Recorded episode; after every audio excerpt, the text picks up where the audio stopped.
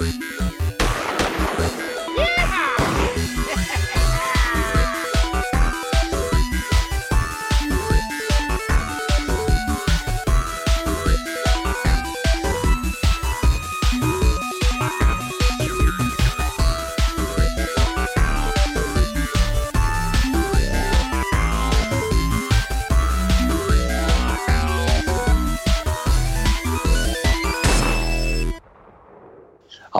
en welkom bij de Game Cowboys podcast. Ik ben jullie host Patrick Smeets. Bij me vandaag uh, Marnik Zuilen, Martijn Steinpats en onze speciale gast Pim van den Berg. Hey.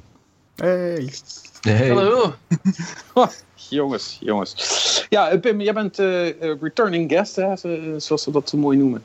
Ja. Je bent al een keer erbij geweest en ik denk, ik zag je allemaal dingen op, dingen op, Twitter, op Twitter gooien. Ik denk, we vragen gewoon nog een keer terug.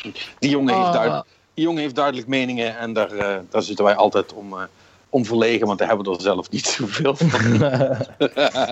er zijn ook niet Nee. zoveel boze witte mannen met meningen op het internet. Dus dat is nee, goed. nee, nee, er zijn er nooit genoeg van. Nooit genoeg. Nee, ik zag, jij, ik zag, uh, ik zag jouw dingetje over de, de, de kosten van games, daar was jij ingedoken. Mhm. Ja, het Of was ja, een, Iemand anders was daarin gedoken, moet ik eigenlijk zeggen. Hè? Maar, Ja, klopt. Is- ik, ik, heb, ik doe daar verder niks mee. Ik, eh, ik vroeg me het altijd af, want je zegt wel steeds van eh, games worden steeds duurder om te maken eh, per reflex. Maar het blijkt uit onderzoek dat per megabyte of per data module eigenlijk is een spel alleen maar goedkoper geworden. Ik, ik in vind games. het nu al een geweldige maat om, om games aan te meten. ja, ik wou, beetje net zeggen, ik wou net zeggen, dat, dat vind ik, dat vind ik een, een, een, een, een beetje een raar argument. Maar vooruit, eh, vertel. Want ik, ik geloof je nu al niet. Het, het is complexer dan dat natuurlijk. Maar ehm, qua productiekosten en aanschafkosten was een, eh, een game in eh, zelfs begin eh, de 2000, begin van dit millennium, was een, een spel gewoon duurder. Had je een spel van, laten zeggen, 2 gigabyte, misschien 5. eh, en daar betaal je dan 60.000 of 60 euro voor. En dat was dan een paar miljoen productiekosten.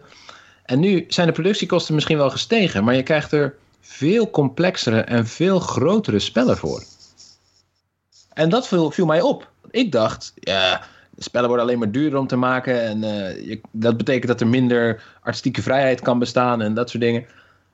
Maar dat is niet het hele verhaal. Het ligt niet alleen aan de kosten van het maken van een spel. Wat ligt niet alleen aan, aan, de, aan de kosten van het maken? De, de, de creativiteit bedoel jij wat erin zit? Of? Ja, precies. Ik was ja, bang dat de spellen steeds meer op elkaar gingen lijken en eh, dat er steeds minder risico's genomen konden worden, omdat spellen nu eenmaal duurder worden. Maar het is een complexer verhaal dan dat. Eh, marketing mee te maken? Ja, want eh, productiebudgetten terzijde, om op te vallen in een steeds meer verzadigende markt, Mhm. moet je dus steeds grotere marketingbudgetten hebben. En niet alleen dat, maar eh, ik heb ook een heel interessant boek gelezen over blockbusters van eh, Anita Elbersen. Dat is een Nederlands-Amerikaanse wetenschapper aan Harvard. Heel cool. En die beschrijft dat eh, dankzij het internet en het globaliseren van media. heb je in feite dat blockbusters, dus grote hits, alleen maar zichtbaarder en relevanter worden. ten koste van dingen aan de marge. En dat is, dat is een cultureel en een economisch verhaal. Maar het komt in ieder geval op neer dat. Heb ik een sirene? ik denk het wel. Oh, sorry. Maar niet.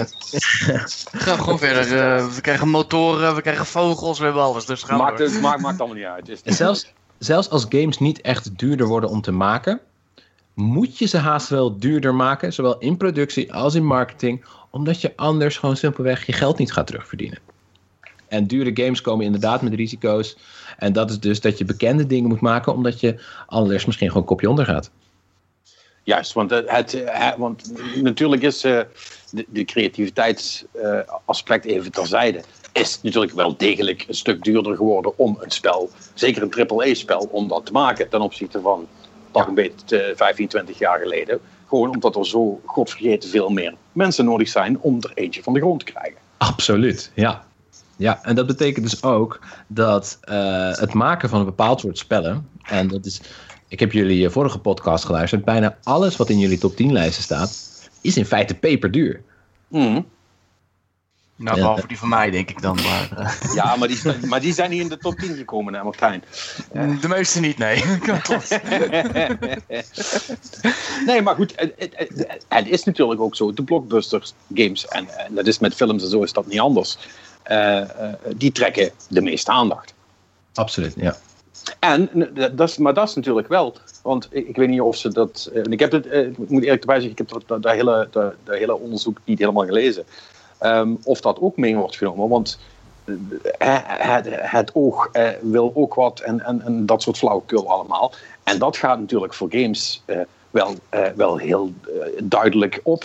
Veel meer dan Ja. bijvoorbeeld films. Hè? Want daar kun je om, voor een heel laag budget kun je een super indringende film draaien. Als je maar een goed onderwerp hebt. Maar met games wordt dat toch een iets moeilijker verhaal, zeg maar. Als jij, je kunt wel een, een fantastisch verhaal hebben en schitterende mechanics, maar als het er allemaal uitziet alsof het met een uh, blokkendoos op een Atari 2600 is gemaakt, gaan de meeste mensen er toch niet naar kijken. Klopt. Ehm, in de bioscopen is het ook zo dat, eh, en voor games is het net hetzelfde. Je hoeft niet per se te geloven dat eh, games met meer pixels mooier zijn, of dat films met meer explosies mooier zijn, maar mensen gaan er wel liever voor naar de bioscoop. En je hebt maar zoveel geld om uit te geven aan films en zoveel tijd. Dus eh, de meest opzichtige films, dus met de meeste explosies en de meeste special effects, zoals wij ze kennen, gewoon superheldenfilms, daarvoor gaan mensen naar de bios. Niet voor eh, mooie intrigerende dra- drama's van een middelbaar budget. En ik geloof, ik durf te zeggen dat dat waarschijnlijk net zo werkt met games. Ik zit trouwens net even naar een lijst op Wikia te kijken van eh, marketingkosten. En schijnbaar de duurste marketing ooit. Het- is een onicomplete lijst dit, want waarschijnlijk heeft nooit iemand de cijfers naar gezocht. Maar Call of Duty Modern Warfare 2 schijnt 200 miljoen aan marketing te hebben gekost. Oh, dat geloof ik vier keer zoveel als de development. Ja, maar ja, daarom... Fuck. Ja, Vier Call of keer Duty- zoveel. Hallo, Call of Duty is niet voor niks eh, de, het gro de grootste shooterbrand ter wereld. Mhm. Ja. Dat, dat krijg je alleen maar als je heel veel centjes uitgeeft. Bedoel, dat, Ja, eh, hè, dat, dat, dat, is- dat is natuurlijk geen nieuws. Het is wel, Nee. ach- het is wel achterlijk veel inderdaad. Maar, Ja. eh, en eh, wat, wat, wat het wel ook lastig maakt, wat jij ook al zegt, het zijn altijd incomplete cijfers, want meestal krijg je het marketingbudget nooit echt. En zie je niet hoeveel er eh, in, in, aan de PR-kant nog wordt uitgegeven, zeg maar, om exposure te krijgen. Nee, Ik meestal denk als- zijn ze daar eh, nogal eh, ja, Ja. niet happig op in ieder geval. Maar... Nee, nee, nee, nee, nee. Want als je ook Ja. ziet wat daar voor bedragen in omgaan, Mhm. eh, ja, daar, daar, daar, daar kun je echt heel veel, daar kun je heel veel indie games van maken. zeg maar. Ja, dat is inderdaad ja. Ik zie in de marketingkosten voor Grand Theft Auto 5 is 128 bijvoorbeeld. Maar Mhm. Final Fantasy 7, 100 miljoen? Jazeker. Wauw. Man, dat spel was overal toen dat uitkwam. Dat is zo hard gepusht. Daarom, is, dat, daarom is dat ook eh, fameus een van de. Eh, dat zeggen ze dan, ik kan dat ook niet bewijzen, maar dat is Ja. wat ik meerdere malen heb gehoord. Is dat de most returned game ever, zeg maar. Omdat dat zag er zo fucking fantastisch uit. Weet je wel. Met, ja, ze hadden natuurlijk allemaal die, die CGI-dingen uit het spel geript. En daar hadden ze dan eh, de commercial mee gemaakt. Dus het zag er fantastisch uit. En iedereen had het erover. En holy shit, wat een cool spel. En dan gingen mensen dat spelen. En dan snapten ze bij god niet wat ze aan het doen waren. En dan brachten ze het maar terug. Ehm, ja. En het, en het zag er, het zag er na, de eerste, na, na de eerste halve minuut ook niet meer zo uit zoals het in de reclame uitzag. Weet je wel, van dat soort flauw. Ja, Hoe noemen ze ja. dat? Een, eh, een bullshot? Nou, ja. maar goed, ik moet zeggen, in de, in de PlayStation 1 era, eh, ja, toen is- moest, je, toen moest je wel, zal ik maar zeggen. Dat, is, Hmm. net, het- dat is net hetzelfde als dat 8-bit games ook maar gewoon, die kocht je ook op de tekening die op de door stond, want aan de screenshots kon je ook niet heel veel Ja, aflezen, het is niet een bullshot, maar ze lieten alle filmpjes natuurlijk zien. Ze hebben nooit de beelden van de game zelf eh getoond. Precies, ja. Ja, ja, ja. ja, Ik denk ja. dat dat het vooral is. Dus dat, was, ja. dat was toch pre- pre-bullshot, zeg maar. Dat was gewoon dat was gewoon een, een trailershot. Eh, maar ehm, ja, goed, kijk, die, die, natuurlijk, die, die marketingkosten die doen mee. En eh, eh, eh, effectief wordt het ook duurder. Wij hebben het daar ook vaak zo over gehad. Maar ik vind het wel grappig om dan inderdaad naar die insteek van die creativiteit te kijken. Maar, maar jij zegt dus eigenlijk, Pim, of dat artikel zegt, van, Mhm. dat dat eigenlijk op zich nog wel meevalt. Dat het niet zo is dat alle creativiteit al in de kiem gesmoord wordt voordat het spel is gemaakt. Eh, als het gaat om de kosten. Het mooie is dat het, eh, het artikel zelf, die analyse, die maakt daar geen oordeel over. eh, die probeert zo neutraal mogelijk te zijn. Dus bijvoorbeeld eh, de correlatie die, zij, die daar getrokken wordt tussen kosten, productie van budget, productiebudget en per aantal megabytes. Dat is natuurlijk volkomen willekeurig. Je kan er niet echt conclusies uit trekken. Maar dat doet hij louter om zo onpartijdig mogelijk te blijven, als het ware. De conclusie dat, ehm, dat games bijvoorbeeld creativiteit verliezen naarmate productiebudget eh, toenemen, dat is meer een persoonlijke overtuiging. Ja. Ja, in zekere zin wel. Hoewel ik denk dat dat wel een persoonlijke overtuiging is die best wel breed gedeeld wordt door mensen. Ja, ben jij het ermee eens? Ik, nou ja, kijk, als je kijkt naar wat er aan de top van de AAA-industrie gebeurt, dan Mhm. is dat toch grotendeels allemaal wel meer van hetzelfde. En veel vervolgen, ook in jullie top 10 lijsten bijvoorbeeld. En ze zijn niet allemaal zo origineel als eh Nee, Nier. nee dat klopt. Ja, Nier is, ja, ik hoorde zeggen, Nier- en, zelfs dat is een vervolg natuurlijk. Wat, is, Mhm. wat, zit, wat zit, zit erin wat geen vervolg is? Horizon? Natuurlijk. Ja, Horizon. En Moet ik even gaan denken ook. Hoor. ik probeer even de rest van de top 10 voor de geest te halen, maar de rest heb ik... Ja, fucking... Onderweg, onderweg. Ma, ma- ja, Mario, Zelda... eh, Maar eh, dan is er zoveel geld gestoken in Horizon Zero Dawn, in het ontwikkelen van een hele nieuwe Ja. wereld. Als we nou eens een wetje gaan leggen, denken jullie dat eh Guerrilla nooit meer iets met die wereld gaat doen? Ik, nou ja, wat ze hebben gedaan is, wat ik begreep uit een eh, documentaire van NoClip, is dat ze dus de wereld van... eh, ze hebben eerst die... Hel, eh, God, hoe heet die game? Die shooter ook weer van ze? Die, Killzone? die- Killzone hebben ze eerst gemaakt. En vanuit, de ding, vanuit die engine die ze op Killzone, de laatste Killzone hebben gemaakt daarvoor, daar hebben ze eigenlijk eh, Horizon Zero Dawn uit weten te fabriceren. Alleen dan met een beetje aangepast. Dus met andere woorden, het is eigenlijk dezelfde engine als wat je bij Horizon ziet, alleen het is veel meer kleurig. Dus in principe, ja, met die engine natuurlijk gaan ze wat verder mee doen. En met die wereld zullen ze zeker nog een keer op terugkomen. Alleen in welke, welke mate, ja. Lastig te zeggen, ik weet het niet. Het Ik- zou best een vervolg Ik kunnen denk worden. dat hè, Guerrilla is gewoon onderdeel van Sony. Sony is gewoon een groot bedrijf. Er komt een Horizon, weet ik veel welke subtitel 2 aan. Op Ongetwijfeld. Ja, ik denk het wel. Het is alleen af, ja, in welke vorm. Het, het hangt er vanaf van wat ze willen gaan doen. Als ze weer zoiets hebben van, we willen nu weer wat creatiefs doen, eh, iets anders doen wat we net gedaan hebben. Want dat, daar, kwam, uit- daar kwam Horizon Zero Dawn eigenlijk uit van, iedereen was er gewoon zat van dat ze continu een killzones aan het doen waren. Toen was er zoiets van, nou weet je, laten we gewoon even een, de ronde doen met andere ideeën. En daar kwam, daar kwam deze game uit. Maar het kan best zijn dat ze nog een aantal ideeën meer hebben waar ze zoiets hebben van, hé, daar kunnen we misschien ook nog wel wat mee. Ik heb, Dus ja, die, je eh, weet het niet. Ik heb die docu ook gezien en ik vond het inderdaad een mooie gedachte dat zo'n heel bedrijf gezamenlijk zoiets had van geen killzone meer. We hebben veel creatieve energie die we eruit willen pompen. En dat ze dan besluiten om iets heel nieuws te maken. En dat dat dan nog eens echt een succes was, dat doet me heel erg deugd. Maar als ik nu Guerrilla was en ik zou net Horizon Zero Dawn met uitbreiding met enorm succes hebben uitgebracht. En er is nog een hele wereld daarbinnen die er kan uitbuiten. Denk ik niet dat ik iets heel nieuws zou gaan maken. Voorlopig niet, nee. Ik denk het ook. Ja, je zou, je zou wel gek zijn als je, als je iets heel nieuws gaat maken. Dan heb jij namelijk al dat fucking werk wat je er eh, drie, vier jaar in hebt gestoken, Ja. voor nop gedaan. Welke, welke idioot doet dat? Niemand toch? Weinig. ik, nou ja, ik weet wel dat Platinum nu zelf een idee aan het eh, pitchen is, van wat ik net zei. En dat ja, die jongens van Dark Souls, die zullen ook weer iets anders aankomen. Dus Ja, het zal ik- ongetwijfeld gebeuren, maar als in de mate van Horizon, nee, ik denk het niet.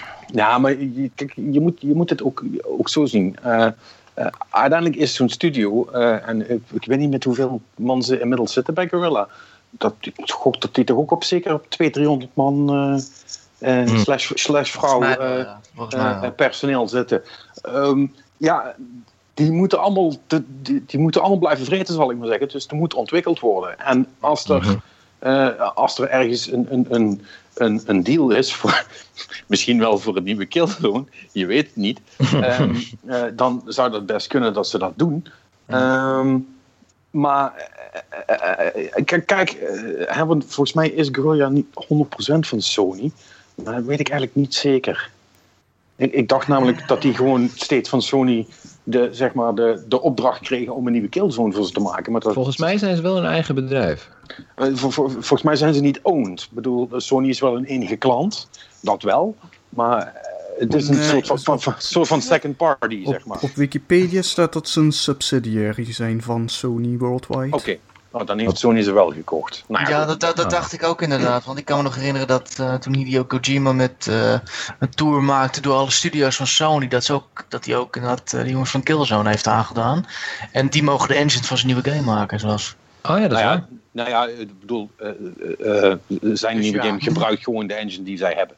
Ja. Ja. Eh, en dat, dat, is, dat is wat. Net, net, zoals, net zoals alles eh, wat bij EA eh, spellen maakt met, eh, met, Fro- met. Frostbite moet dat, werken. Ja. Epic groot is geworden met de Unreal Engine business. ja. Ja, er staat nog een leuke hypothese in die analyse over de kosten, ontwikkelingskosten van, eh, van games. Is dat er een soort van plateau is geraakt inmiddels. En de hypothese daarachter is dat gameontwikkelingskosten niet veel lager meer kunnen worden. Omdat we allemaal een beetje vastgeketend zijn aan bijvoorbeeld populaire engines als Unreal en Unity. Eh, de- Binnen die gereedschappen, die alom aanwezige gereedschappen, Ja. is het moeilijker om nog efficiënter te worden. Dat zit er heel dik in. Ik, ik, denk, ik denk dat de, de, mijn idee is altijd geweest dat de, de, de volgende frontier voor game development zal zijn. Is dat je eh, eh, eigenlijk eh, eh, assets kunt, kunt laten genereren. In plaats van dat je ze handmatig moet maken. Eh, ehm, en ik denk dat op het moment dat dat kan, dat jij gewoon AI-assisted kunt zeggen: hij maakt mij even 35 tafels. Ehm, eh, in verschillende stijlen. En je hoeft er maar eentje uit te zoeken en die wordt het. En doe mij hier dan nog 25 variaties van die ik overal kan neerzetten. En eh, je, je, je plonkt ze in je engine, zeg maar, en dan ben je klaar.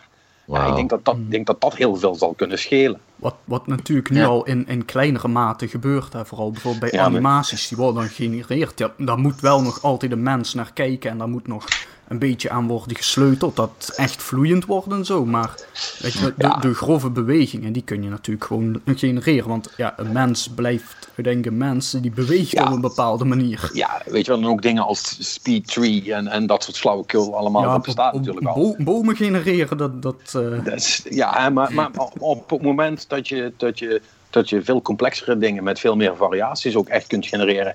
En dan eigenlijk nog in 99% van de gevallen zonder dat er nog iemand naar hoeft te kijken. Bij animatie zal dat altijd wel wat lastig zijn, denk ik. Maar, hè, maar als, als je puur naar, naar assets kijkt, gewoon de, de 3D-dingen die in een, in een wereld gepland moeten worden. Ehm, ja, als je die gewoon letterlijk met een druk op de knop kunt genereren. In plaats van dat je eh, eh, eh, drie dagen moet wachten tot ze uit, uit China terugkomen. Ik, deze cijfers trek ik ook uit mijn aars trouwens. Maar ik weet niet hoe lang dat, ik weet niet hoe lang dat duurt. Maar ik, ik, ik roep maar iets. Eh, ik denk dat dat we in ieder geval wel, wel eh, zou kunnen schelen.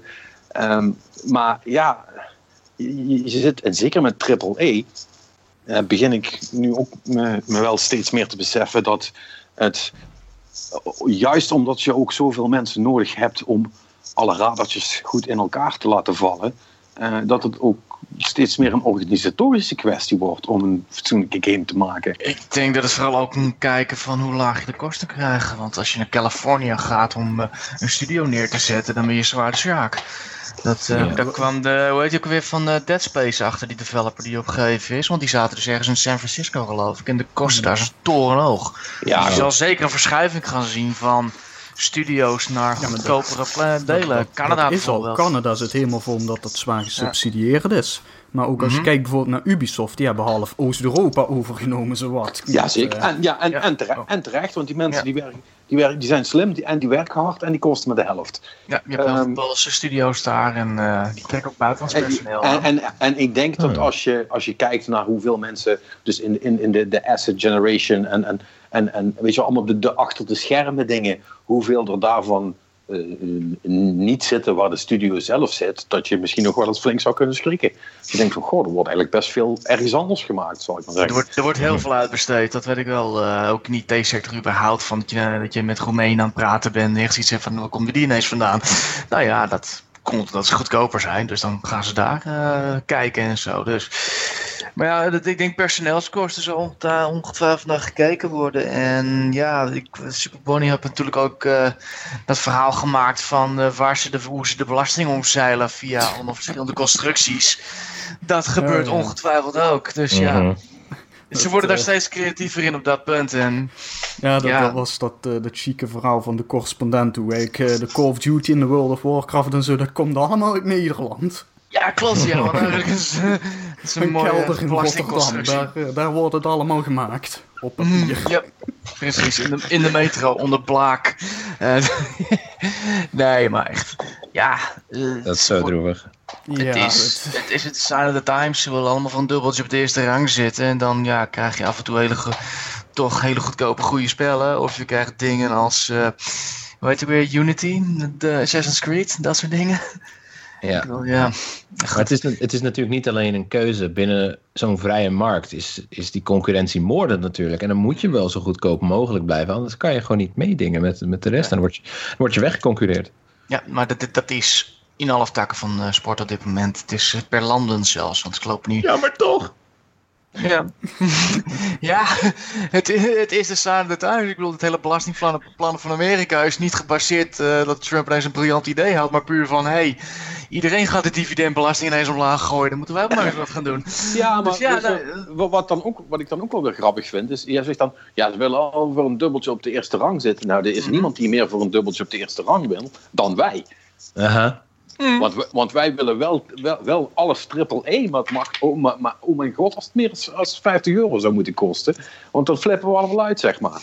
Of als iemand zegt, ja, eh, sorry hoor, we krijgen het niet geregeld, Eh, we moeten toch iets met microtransactions gaan doen, anders kunnen we de schoorsteen niet laten roken. Dan zijn wij de eerste die met de pitchforks klaarstaan om in, in, in, in, de, in de brand te zetten, bij wijze van spreken. Ja, maar je moet ook denken van, ze zijn, dit is natuurlijk heel geleidelijk gegaan van eerst dat je gewoon de normale games en toen begonnen ze dus eh bepaalde, je, dit beroemde Street Fighter, nee niet Street Fighter, wat die uh, Marvel vs Capcom 3 verhaal. Dat, is- of nee, het was Street Fighter Ja, volgens mij ook inderdaad. Ja, inderdaad, dat is gewoon de helft van de, de characters hadden ze eigenlijk al in de game zitten, maar nee, daar maken we nog even een DLC van.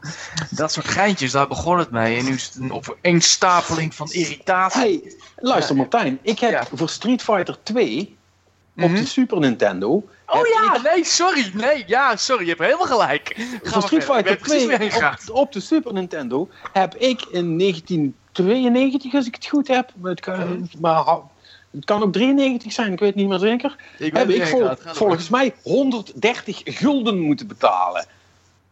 Waarom zou je dat doen? Ja, Omdat, omdat het cassettes waren en dat duurde en die waren niet omdat, dat- omdat dat was wat het spel kostte, Pim. 130. Wow. Je wil niet- 130 nee. gulden. En dat was, dat was in de Super Nintendo slash N64 tijd. Waren dat eh, volstrekt normale prijzen, zeg maar, voor die grote cartridges. Dat is klopt. Ik zou je nog En- sterker vertellen. Volgens mij was de add-on was zelfs 225 uit mijn hoofd. Ja, Dat waren die vier dat- extra karakters. dat- Super ja, dat- Street Fighter, ja, dat was volgens Ja. mij net zo duur. ja, en toen hadden we nog inflatie sindsdien.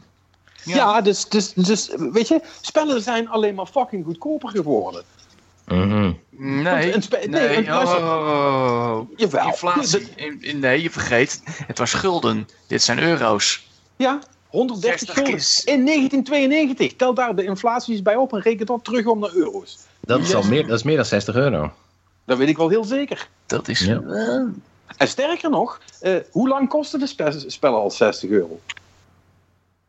Ja, Ik al, denk sinds- ja, ik denk sinds de Xbox 1 generatie.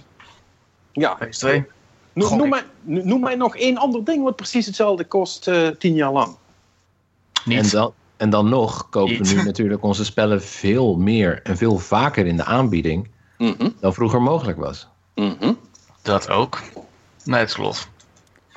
Ja. Dus wie is hier nou de cheapskate? Jij of ik? Ja, het Ik denk, het het- ik de dat het een andere generatie was ook. Natuurlijk een kleinere generatie. Dat waren er, ik bedoel, de verkopen zijn gewoon enorm toegenomen sinds, de, sinds uh, PlayStation, de eerste PlayStation. Met PlayStation 2 is de markt echt enorm gegroeid. En toen begon inderdaad van, nou, toen konden ze, uh, ik denk, ja, noem dat hoe meer vragen, hoe, meer, hoe, hoe, lager de prijs was. Ik denk dat dat de reden is geweest, dat het er vroeger zo duur was. Omdat het gewoon een hele kleine kring eigenlijk was die games kocht. Er is ook maar een... dat ligt uh, mij aan mij misschien. In de globale markt is er ook een concurrentiestrijd. Uh, waarbij de grootste afzetters. Uh, ik bedoel niet afzetters als in oplichters, maar de mensen die de meeste spellen verschuiven. Mm. Die kunnen ook met het meeste gemak de marges, hun eigen marges verkleinen. En daarmee kleinere winkels wegconcurreren. Maar Oh. zodoende worden natuurlijk ook spellen tegen een lagere prijs verpand dan. Kan ze eigenlijk kosten. Ja, Klopt.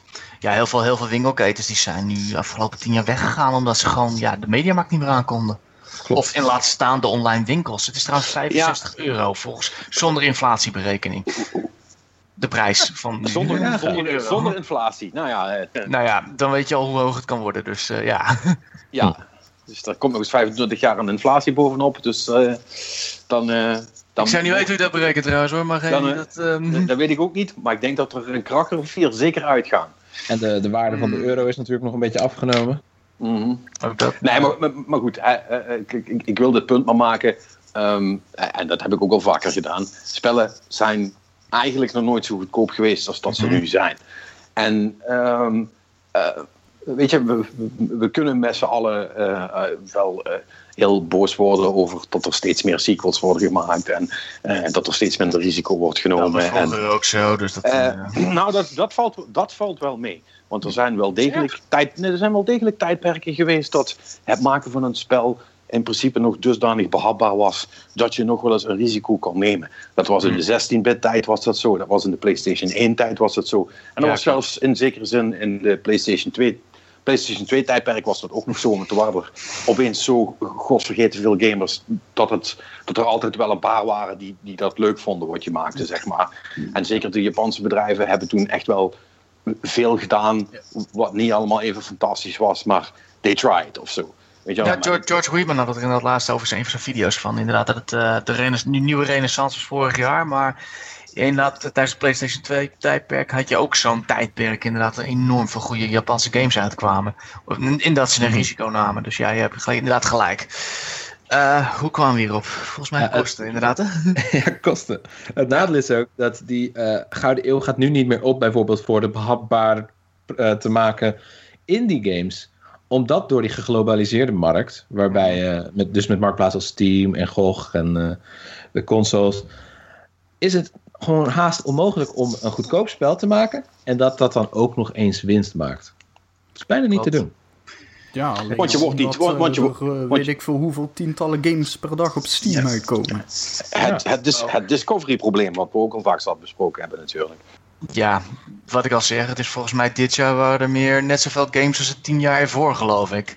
En dus, eh, de mensen zeiden ook van we gaan de Nintendo Switch nu over, want daar vallen we nu nog wel op. Dus vandaar dat je waarschijnlijk ook al enorm veel Switch games nu in die titels zijn.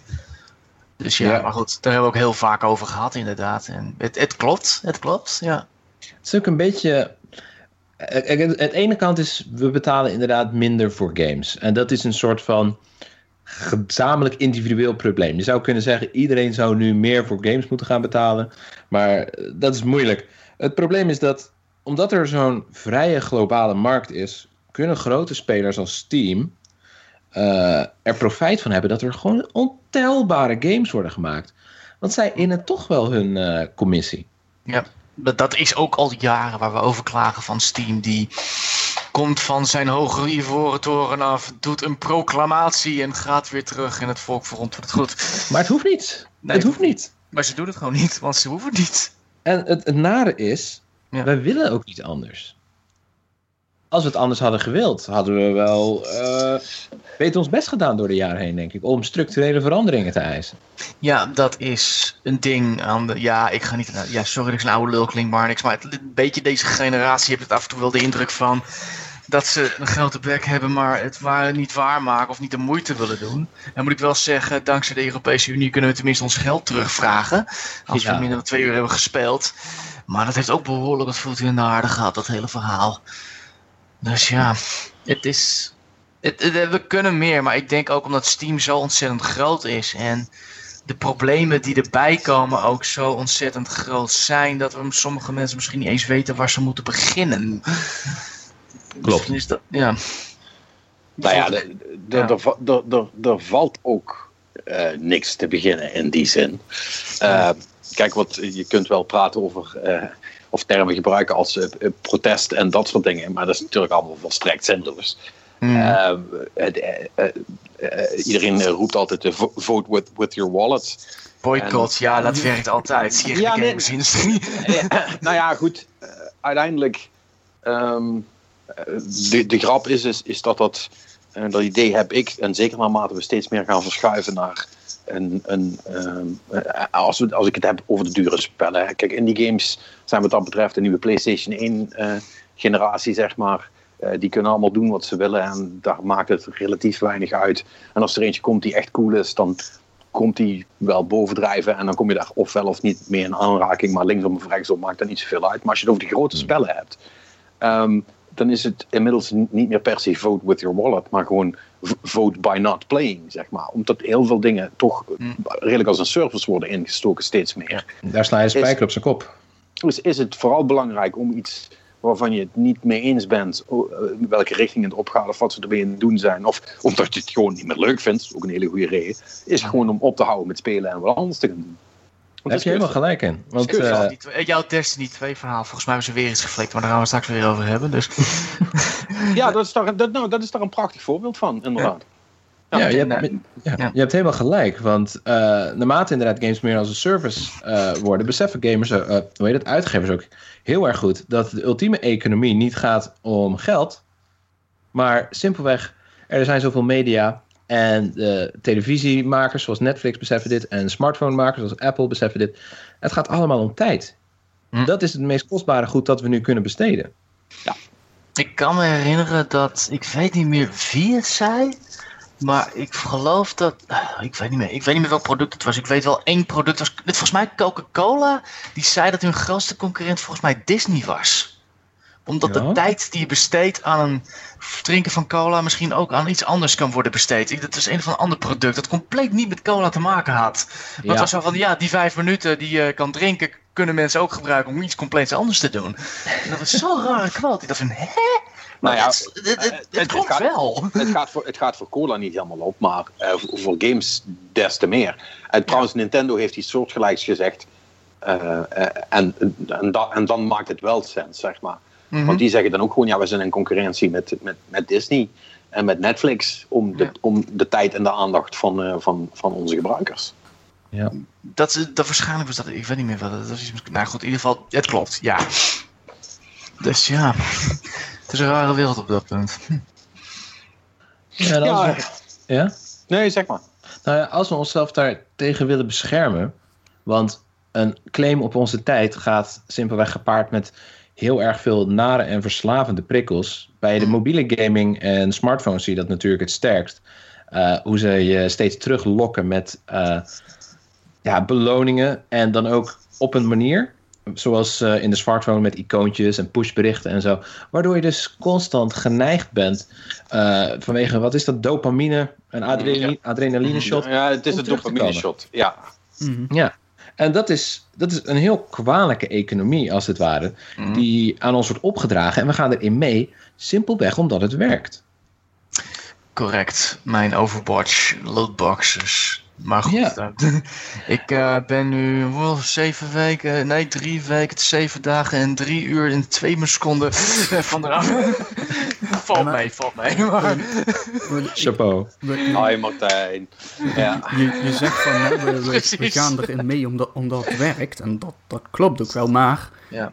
ehm, en dat, dat is nog niet volledig zo, maar al er is wel denkbaar, zeker als games, hè, als straks alle games eh, as a service worden. Op een gegeven moment ben je er dan niet ook aan in het meegaan, omdat er simpelweg niks anders meer is. Er is altijd wat anders. Ja. Het is, het, eh, want je, je hebt, uiteindelijk heb je altijd een keus. Er gaat namelijk altijd iemand zijn, als straks alle AAA games as a service is, zijn er altijd nog 12,5 miljard eh, indie games die er dan weliswaar niet zo cool uitzien. En waar, de, hè, waar eh, zoals, eh, zoals, eh, zo- zoals eh, de fameuze quote in Game Bytes, eh, die niet de meeste graphics hebben, zal ik maar zeggen. Eh, ik blijf het een fantastische uitspraak vinden van, eh, van Erwin. Eh, echt heel veel, heel veel graphics. Eh, All Maar- the graphics. Nee, ja, maar, maar goed, maar die hebben, dan wel, die hebben dan wel niet al de graphics inderdaad. Maar dat zijn nog steeds op zichzelf staande dingen die jij kunt spelen en waar je plezier in kunt hebben. Dus die keuze die zul je altijd hebben. De, de vraag is, en dat is, het, dat, dat is het, het, het sneaky ervan, ja, wil je dat wel? Of wil je toch stiekem af en toe ook wel al de graphics hebben?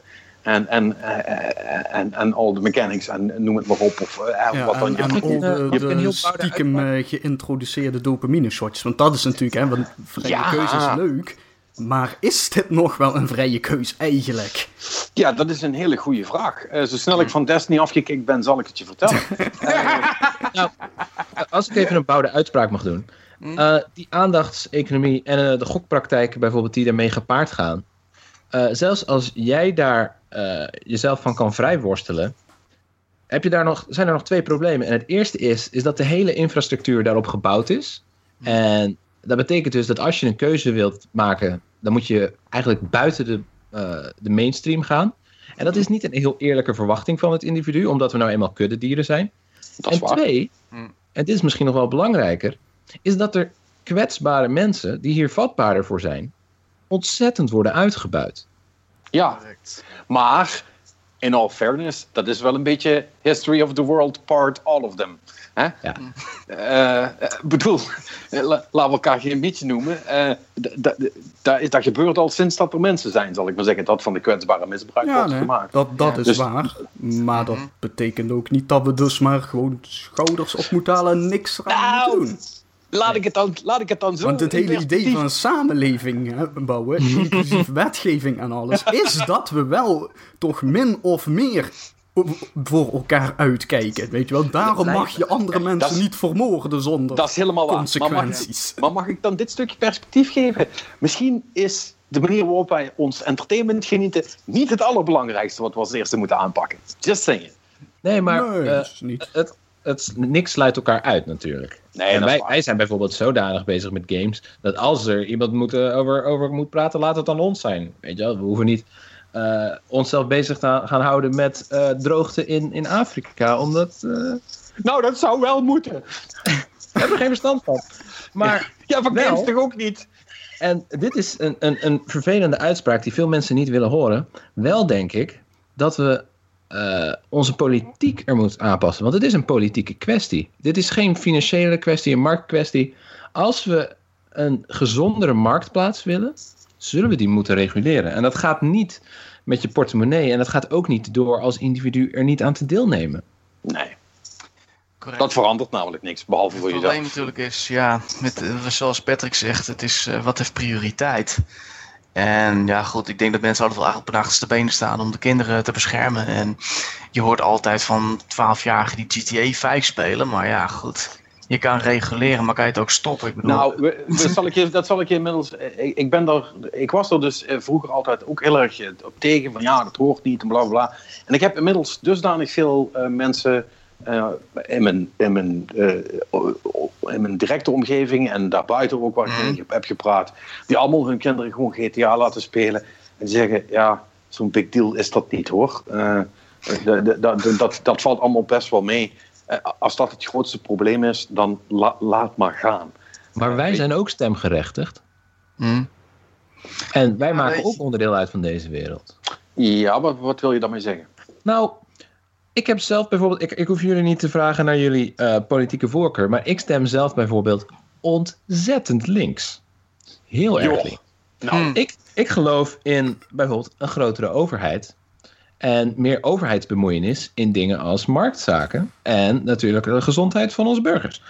En ik geloof, eh, ik denk zelf, en je ziet het ook natuurlijk een beetje bijvoorbeeld als je op eh Gema Sutra kijkt en Medium, dat heel veel ontwikkelaars misschien wel die eh, veranderingen willen, verbeteringen in de markt, meer bescherming tegen, tegen waar we het net over hadden, maar uiteindelijk worden zij beloond door marktwerking.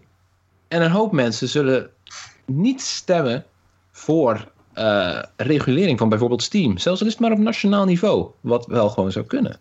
Omdat ze simpelweg niet geloven dat regulering een vatbaar politiek middel is. Ik, eh, ik, ja, dat, dat, dat, dat, zou kunnen. Hoewel het mij uh, toch nog steeds een, een kwestie van prioriteit lijkt. Kijk, je merkt het aan hoe bijvoorbeeld het lootbox-verhaal, om, om maar even een recent voorbeeld te noemen, hoe hmm. dat eigenlijk pas opgepakt werd op het moment uh, dat het woord uh, kinderen erbij kwam kijken, zal ik maar zeggen. En specifiek kinderen gokken. Dat, dat was de, de, de explosieve combinatie natuurlijk. Ja, en ik, denk, ik denk dat het, het, merk Star Wars ook nog wel een, heeft geholpen. Ja, nou maar goed, nee. Ik denk dat dat alleen maar een catalyst is geweest, omdat dat een groot genoeg merk is dat iedereen ja, kent, ik, waarvan ik, iedereen denkt, holy shit, wacht even, dit is gevaarlijke shit. Want, de, de, want mijn, mijn kind eh, houdt ook van Star Wars, bewijs. Weet je wel, het is hetzelfde als dat je, als, als Lego, zeg maar, eh, in zijn games lootboxen gaat doen, dan moet jij eens kijken hoe de boot aangaat, zeg maar. Uh, mm. om er een voorbeeld te noemen. Kijk, en, en, en, dat is het natuurlijk, want voor de rest wordt er gewoon gemakshalve vanuit gegaan dat iedereen in ieder geval semi-volwassen is en zijn eigen keuzes kan maken. En eh, wat dat betreft is, is, is er ook een stukje probleem in de bewustwording, denk ik, vooral aan de politieke kant. Die mensen hebben geen idee, inderdaad, van alle psychologische trucjes die uit de kast worden gehaald om mensen aan het spelen te houden. Nee. alle, alle scannerboxen en en, uh, en, en, en Pavlov-reflexen en, en noem, noem, alle trucs maar op, zal ik maar zeggen. Ik denk dat er überhaupt een soort van technische, on, nou niet onkunde, maar gewoon een soort van onwetendheid daar zit. En daar kunnen we best wat aan doen met z'n allen. Ja, het is, luister, er zit heel veel in technische onwetendheid in, in, in de mensen die ons land moeten, of ik neem, noem dan even ons land als voorbeeld, maar dat geldt overal. Moet je eens in de Tweede Kamer iemand proberen... Uh, te laten uitleggen hoe, hoe een bitcoin in elkaar zit. Moet je, moet je kijken hoe je dan kan lachen. Mag ik twee vragen stellen? Mm, ja. dat laatste wil ik wel eventjes bijzeggen van ze zijn er wel heel erg mee bezig op dit moment. De Nederlandse bank is daarmee bezig. Ik uh, werk daar toevallig, dus ik weet dat ze dat wel erg in de gaten houden. Ja, dat zou ze goed staan. Die zijn, die zijn, weten, die zijn ja, hun businessmodel aan het ondermijnen, dus dat lijkt me wel belangrijk. Ja. Nee, volgens mij dat niet. Ze zien er wel de toekomst in, maar het is nog op dit moment te, ja, laten we zeggen, het stuiten te veel op en neer om er echt een goede koers mee op te varen. Dus dat is het probleem eigenlijk van. Wat moet je ermee doen? Maar ga verder. Ja, twee, twee vraagjes. Um, de eerste is, wat vonden jullie ervan toen je las dat de Belgische en Nederlandse overheden gingen kijken naar lootboxes? Even terzijde dat het, uh, dat, dat, dat het typisch is wanneer het gebeurt als het over kinderen en gokken gaat. Kijk, um, ik, ik, heb er, ik heb er geen problemen mee gehad dat ze dat deden in ieder geval. Ik, uh, kijk, dat er in ieder geval als er iets is wat er ik zo zeggen, als de vet de ruimte heeft om dat een beetje te reguleren, dan heb ik daar geen problemen mee. Het hangt er met af van, het is niet zozeer een kwestie van willen, maar is het ook een kwestie van kunnen. Van hoe ver kan jij iets zeggen van dit klopt wel of dit klopt niet, of dit moet geband worden of dit wordt niet geband worden. Ik weet niet wat de, de wet daarover nou, zegt. Over dit soort dingen. Dus dat, is, ja, dat moet gewoon uitgezocht worden. Kijk, daar, daar ligt ook een beetje, beetje mijn onderscheid. Dan, kijk, uh, allereerst denk reguleren helemaal goed. Alleen Um, en daar, daar zit dan zeg maar een verschil tussen wat dan de, de, de morele grens van hè, wat, wat willen we wel toestaan, wat niet. Is, en die, die kun je denk ik best goed trekken. Alleen dat moet dan worden omgezet naar een juridische grens. Hè. Er moet ergens op papier staan van dit zijn de definities. En hè, dat, dat wordt een soort van formaatje en dat ga je dan overal opleggen. En is dit dezelfde vorm? Is, is dit een kubus? Is dit een piramide? En, dan, en daar gaat dan waarschijnlijk fout want dan is het toch al gauw. Uh, of de, en zeg maar uh, uh, 80% van alle games met ook maar iets van DLC of microtransacties mag niet meer. Of aan de andere kant, dan vinden de uitgevers wel weer een, een weg eromheen om hun lootbox microtransacties toch wel weer te laten voldoen. En dat is een beetje het grote probleem. Dat, ja, dat, dat zul je waarschijnlijk altijd blijven houden. Maar dan kom je dus uit bij een punt waarop eenmalig reguleren van hè, we gaan dit nu bekijken en we zeggen dit is fout, de wet wordt aangepast. En vervolgens zijn we klaar. Ja, dat, dat gaat dus niet werken. Nee, klopt. Want dat zag je inderdaad bijvoorbeeld nu met uh, uh, net neutrality. Schijnbaar waren er drie regels die dat bevestigden. Die zijn van één voor één onderuit gehaald. Waar mensen gewoon bij stonden. Ik, heb het, ik zat die video van iemand te kijken dit aan me uitlegde. En ik had echt zoiets van: jongens, je wist het. Waarom heb je niks gezegd? Of waarom heb je niks gedaan? En waarom werkt het niet als je dat hebt gedaan hebt? En ja, nu is het waarschijnlijk wordt er wel wat, wat aangepast. Maar ja, goed, dat, ja, maar we spreken op en neer. We, we hebben het nu ook over uh, overheden die vooral uh, veel voorkeur geven aan privatisering. Ik zelf geloof wel dat als er regulering zou komen op, uh, laten we zeggen, gokpraktijken binnen games, dat die, die, dat die best gepast zou kunnen zijn en hm. sluitend. Dat, geloof dat zou niet moeilijk zijn. Ik dat geloof ik. Dat zou, ik dan, dat zou dan toch de eerste zijn die sluitend is. Want als we toch één ding in de historie hebben geleerd, en daar zit, en dat, dat was mijn reactie een beetje. Maar komt dat dan toch een beetje over als symptoombestrijding, zeg maar. Uh, uh, en dat is wat, wat Marnix ook een beetje zei. Je krijgt het niet hard genoeg dichtgetimmerd dat niemand zich, zich eruit kan wurmen zonder elke vorm van uh, transactie in-game helemaal gewoon outright te verbieden. Oké, en als dat niet werkt, is de huidige situatie dan werkbaar?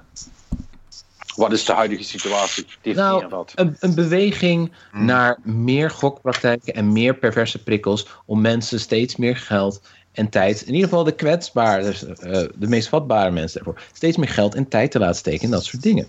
Wat ik wel erop kan zeggen is, als je kijkt naar de enorme stampij die er rond uh, Star Wars Battlefront is gemaakt. Ik denk dat heel veel mensen toch wel hebben, heel veel developers of uitgevers zijn geschrokken ervan. Dat ze in ieder geval even pas op de plaats hebben Mm. gemaakt. Ja, maar dat, Natuurlijk dat, zullen ze dat- wel iets... Ja. Dat, dat was niet om, omdat ze dan dus bang waren voor, voor consequenties in de zin van... hé, hey, dit is misschien toch fout. Nee, die waren alleen maar bang omdat... hey, onze spellen worden straks niet meer gekocht. Dat is puur Nee, klopt. Maar als dat werkt, dan werkt het. Maar het is niet de eerste keer dat dat gebeurt. Ongetwijfeld, nee. Dat zal wel vaker zijn gebeurd. En ontwikkeling wordt daar niet door tegengehouden.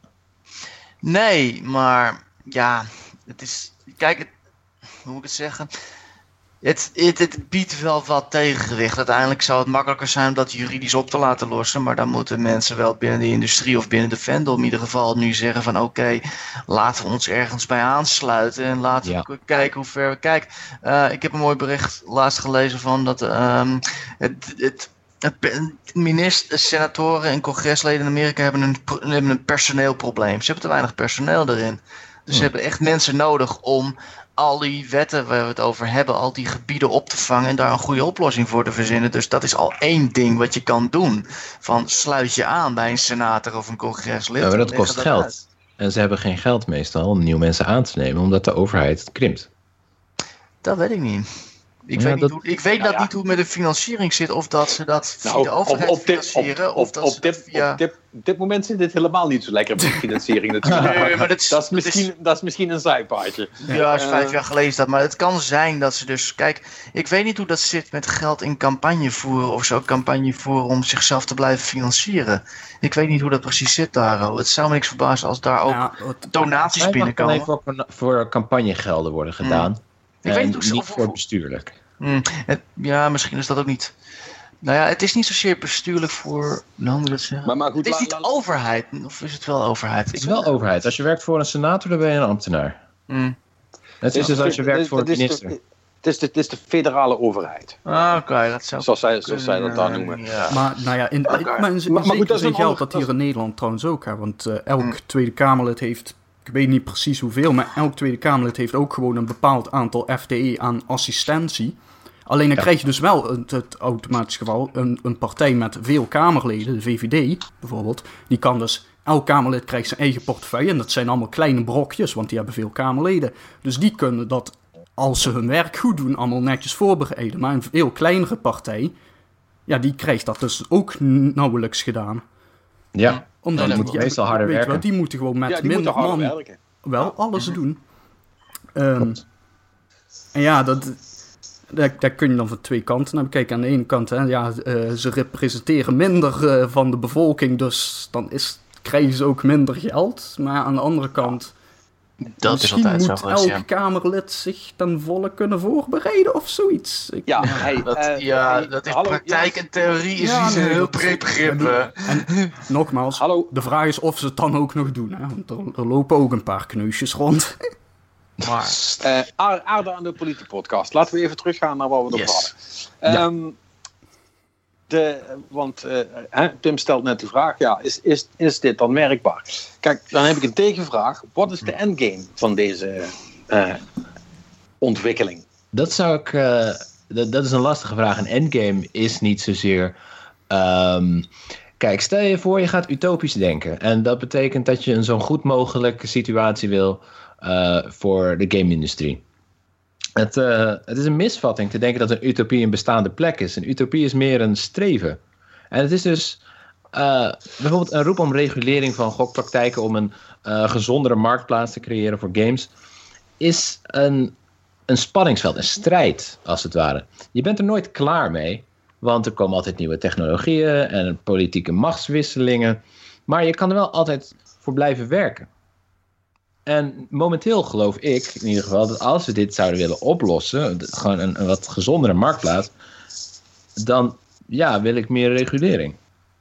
ik denk dat je wel duidelijk moet definiëren wat je doel is. In ieder geval, waar wil, wat wil je heen en waar kan, mee kan je leven? Want dat is politiek, je moet wel compromissen kunnen sluiten. Ja, maar, maar dat is ook een beetje waar ik heen wil met mijn endgame vraag. Want eh, Ja. even gekeken vanuit de uitgevers.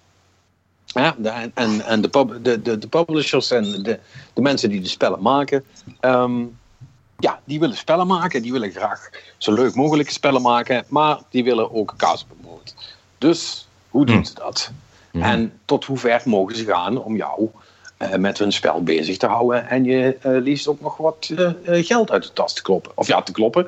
Hè, als, het goed, als het goed is, want dat, dat is natuurlijk wel de andere kant van het verhaal waar in dit soort discussies niet zo heel veel over gepraat wordt. Ehm, eh, in heel veel van dat soort spellen, eh, eh, die gebruiken wel inderdaad dat soort trucken. Maar de mensen die dat aan het spelen zijn, hebben er de grootste lol aan. Dus hè, dan kun je ook zeggen, waar zit dan precies het probleem? Want het, het argument van de, de, de, de makkelijk beïnvloedbaren en zwakken, zal ik maar zeggen, eh, dat houdt maar tot op zekere hoogte. Eh, eh, vind ik dat dat maar meetelt. Want met alle respect, mensen die zo vatbaar zijn voor dat soort dingen, zijn eh, vatbaar voor alle gevaren die de wereld met zich meebrengt. En die gaan toch ergens intrappen. Ja, maar als je het bijvoorbeeld vergelijkt met andere verslavingen, ook alcohol bijvoorbeeld.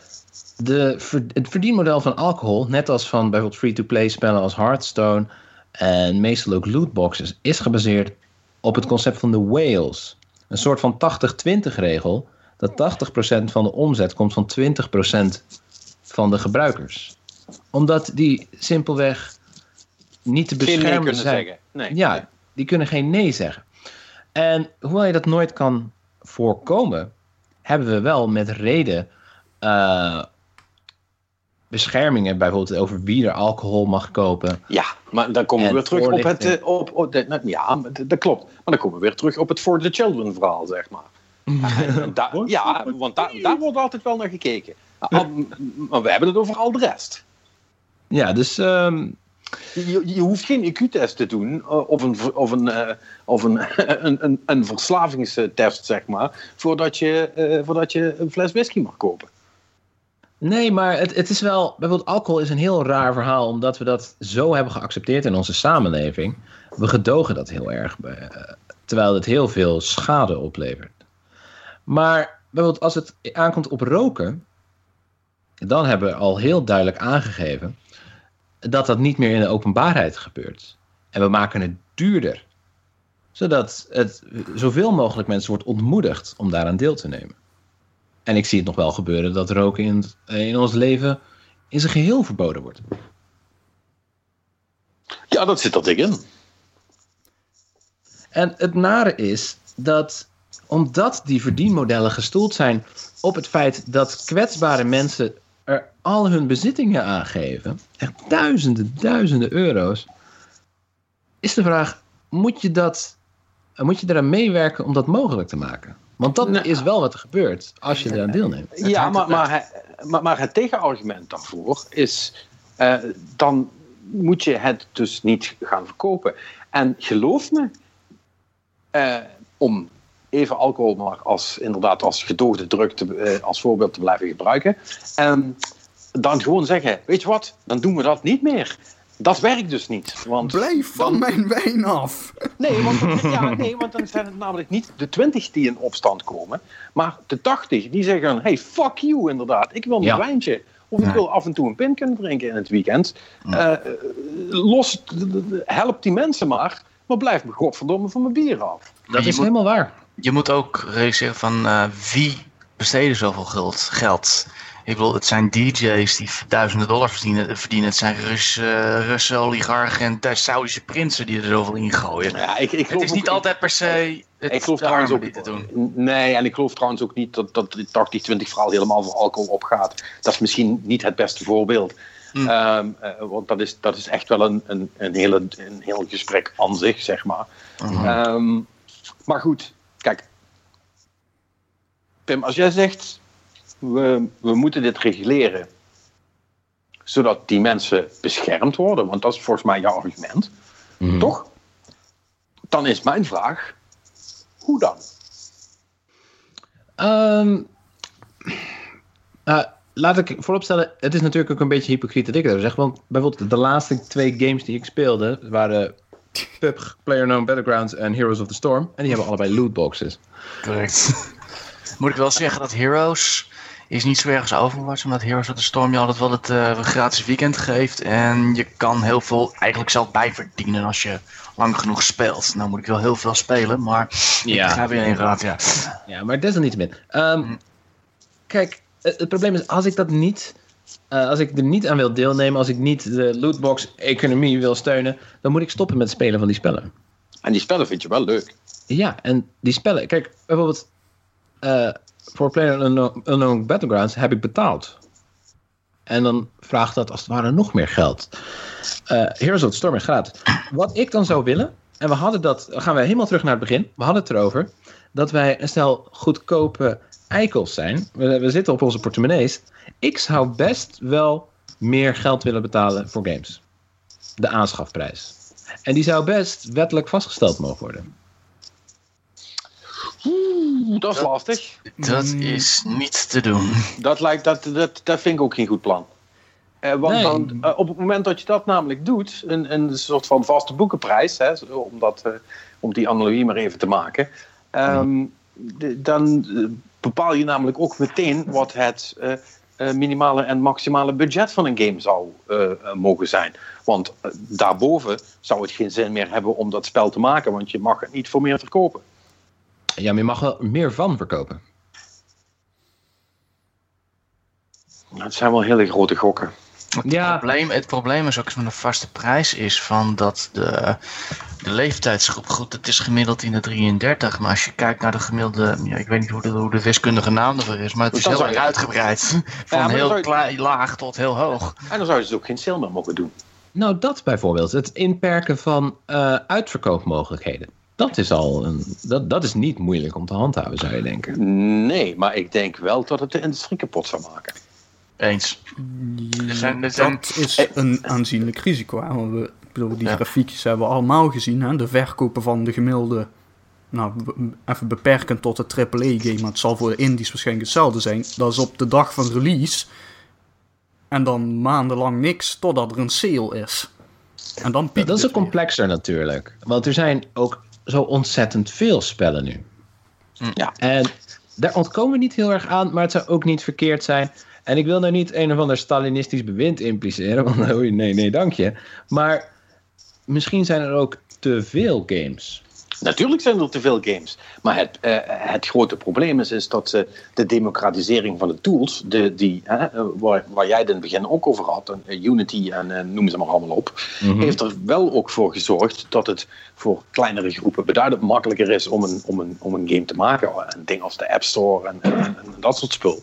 Ja. Ehm, dus het, het kost ook niet veel om het gokje te wagen. En kijk, het, het, het simpele feit is, want we hebben het wel erover dat er de hele tijd zoveel games uitkomen. Eh, wat we daar meestal niet bij zeggen, is dat 95% van wat er uitkomt complete fucking rotzooi is die bijna niemand wil spelen. En zelfs als het geen, eh, geen rotzooi is, wordt het toch genegeerd. Ja, heel goed, maar dat is, dat, is- dat is dan een ander verhaal. Kijk, eh, het is hetzelfde als met. ehm, eh, eh, ik noem een voorbeeld: muziek. D- daar, daar geldt dat ook voor. Hè? Vroeger, toen ik in een bandje zat, toen eh, kon je niet gewoon eh, eh, muziekjes beginnen maken en die zelf distribueren via YouTube of noem het maar allemaal op. Toen moest je gewoon eh, eh, gaan spelen en hopen dat er ooit iemand kwam kijken die eh, connecties had bij een platenmaatschappij, zodat die je een deeltje aanboden, zodat er cd's gemaakt konden worden en, en, en dan kon je iets gaan doen, zal ik maar zeggen. Nou, Ja. dat, dat, dat, was to- dat was top-down. De, de, de- de bepaalde de mensen die zichzelf eh, eh, eh, hoeder van de kwaliteit hadden genoemd, die bepaalden wat daar doorkwam of, of niet. Daar kun je van alles van vinden. Maar dat betekende wel dat heel veel bandjes bleven waar ze thuis hoorden. Namelijk in hun eigen repetitiehok. Met een, eh, met een godvergeten ellende die ze muziek noemden, zeg maar. Ehm, en nu kan elke halve zo kan nummers maken en kan die op YouTube zetten of eh, op Soundcloud of hè, waar ze ze ook willen dumpen. En dan staan ze daar onbeluisterd, maar ze zijn er wel. En Ja. zijn dus wel onderdeel van de statistiek van, goh, kijk eens hoeveel muziek er wordt gemaakt. Maar dat doet er niet toe, want het enige wat er echt toe doet, is als de nieuwe, eh, het nieuwe nummer van Taylor Swift wordt gedropt, zeg maar. En dat meteen in twee uur 2,5 miljoen keer wordt bekeken, bij wijze van spreken. Ja. Dus het, eh, d- eh, het, het, die statistiek is er wel, maar die is eigenlijk ook wel redelijk betekenisloos. Dat, dat wil ik maar zeggen. Eh, ik weet het niet. Het nadeel aan eh, een overdaad aan spellen is. Dus als we alleen de dingen zien die toch al populair zouden worden. dan heeft het niet zoveel zin om zoveel spe- spellen uit te brengen. Dus zou de concurrentie ook niet zo hevig moeten zijn. Is wat je dan zou kunnen zeggen. Nee, inderdaad. Maar dan, eh, als je dat zo zegt, dan ehm, eh, doe je een aanname aan een soort van gezond verstand van mensen die iets gemaakt hebben. Dat ze wel een beetje kunnen inschatten of dat enige kans in de marketplace heeft. Eh, maar goed, dat weten we allemaal als mensen. Dat is er niet. Mensen denken altijd dat ze iets cools hebben gemaakt, ook als het rotzooi is. Want zij hebben Ja. het gemaakt en zij vinden het echt heel cool. Dus ja, eh, weet je, dat, en, dat, en dat moet, en dat moet, dat mag en dat moet zelfs gewoon ook sterven. En net zoals heel veel indie developers na een eerste, eerste, ja, na een eerste of tweede spelletje ermee ophouden. En dan heel verongelijk zeggen, nou, kut business, brr, ik ga wel echt werk zoeken. Ja, eh, prima, weet je wel. Dan is wat je hebt gemaakt was, eh, was, eh, heeft, eh, was of niet goed genoeg, of was wel goed, maar is niet opvallend genoeg geweest om de aandacht te grijpen van, van grote groepen mensen. Shit happens. Maar wat als een spel nou opzettelijk eh, spelers probeert af te schrikken? Als een soort van artistiek statement. Ja, dat is een mooi statement wat door niemand wordt gezien dan, voor ik. Gok. Dat is, zeg maar, dat is zeg maar de vallende boom in het bos waar niemand is. Ik zou eerder gezegd kijken van wat kan de huidige wetgeving, de huidige gokwet eh, voor games, voor lootbox betekenen. Luister, Ik denk, daar zou ik eerst naar kijken voordat je überhaupt nieuwe wetgeving gaat maken. Misschien kan dat daar worden opgelost. hmm. Ik hoop het. En ik, en ik denk dat dat ook wel gaat gebeuren. Ik, ik- Ja. Nogmaals, als er ook maar enige kans is dat er eh, oprecht hè, eh, eh, predatory wordt omgegaan met, met kinderen door spelletjes. dan zal de politiek daar bovenop zitten, dan zal de reg- regelgeving daar bovenop zitten. En dan wordt er een eind aan gemaakt, want zo, zo werkt dat. Want de kinderen moeten beschermd worden. Eh, en, en, nee, maar goed, ik, ik, Hmm. doe er, ik doe er een beetje flauw voor, maar het is wel fucking, het is wel fucking waar, zeg maar. Want als je iemand op zijn vijfde of zesde al met een soort van dopamineverslaving opzadelt, eh, die die ongemerkt heeft, en, en eh, die, die daarna ervoor zorgt dat hij zijn hele leven lang verslavingsgevoelig is, dat zijn geen leuke grapjes, zeg maar. Kijk, de ene heeft, het, heeft er toch wat meer last van dan de ander. En, en ik weet zelf als iemand die het heel erg heeft, dat, dat games inderdaad echt best wel ver daarin gaan. Hm. Ehm, maar nogmaals, de andere kant is wel ook, ik beleef als een spel dat goed doet, beleef ik daar ook echt oprecht heel veel plezier aan. Hm. Ik heb Dus zelf ja. ook hele goede uren met Overwatch doorgebracht. Alleen op een gegeven moment, ja, Ja, het was gewoon niet leuk bedoel, ik bedoel, Destiny is gewoon een, een- een, een scannerbox van 500 miljoen. maar, maar, maar, maar daar heb ik wel over drie jaar lang 3000 uur ingestoken. En het, het is een van de tofste spellen die ik ooit heb gespeeld voor mijn gevoel, zeg maar. Dus, dus ja, nobody got hurt, I guess, behalve mijn slaap.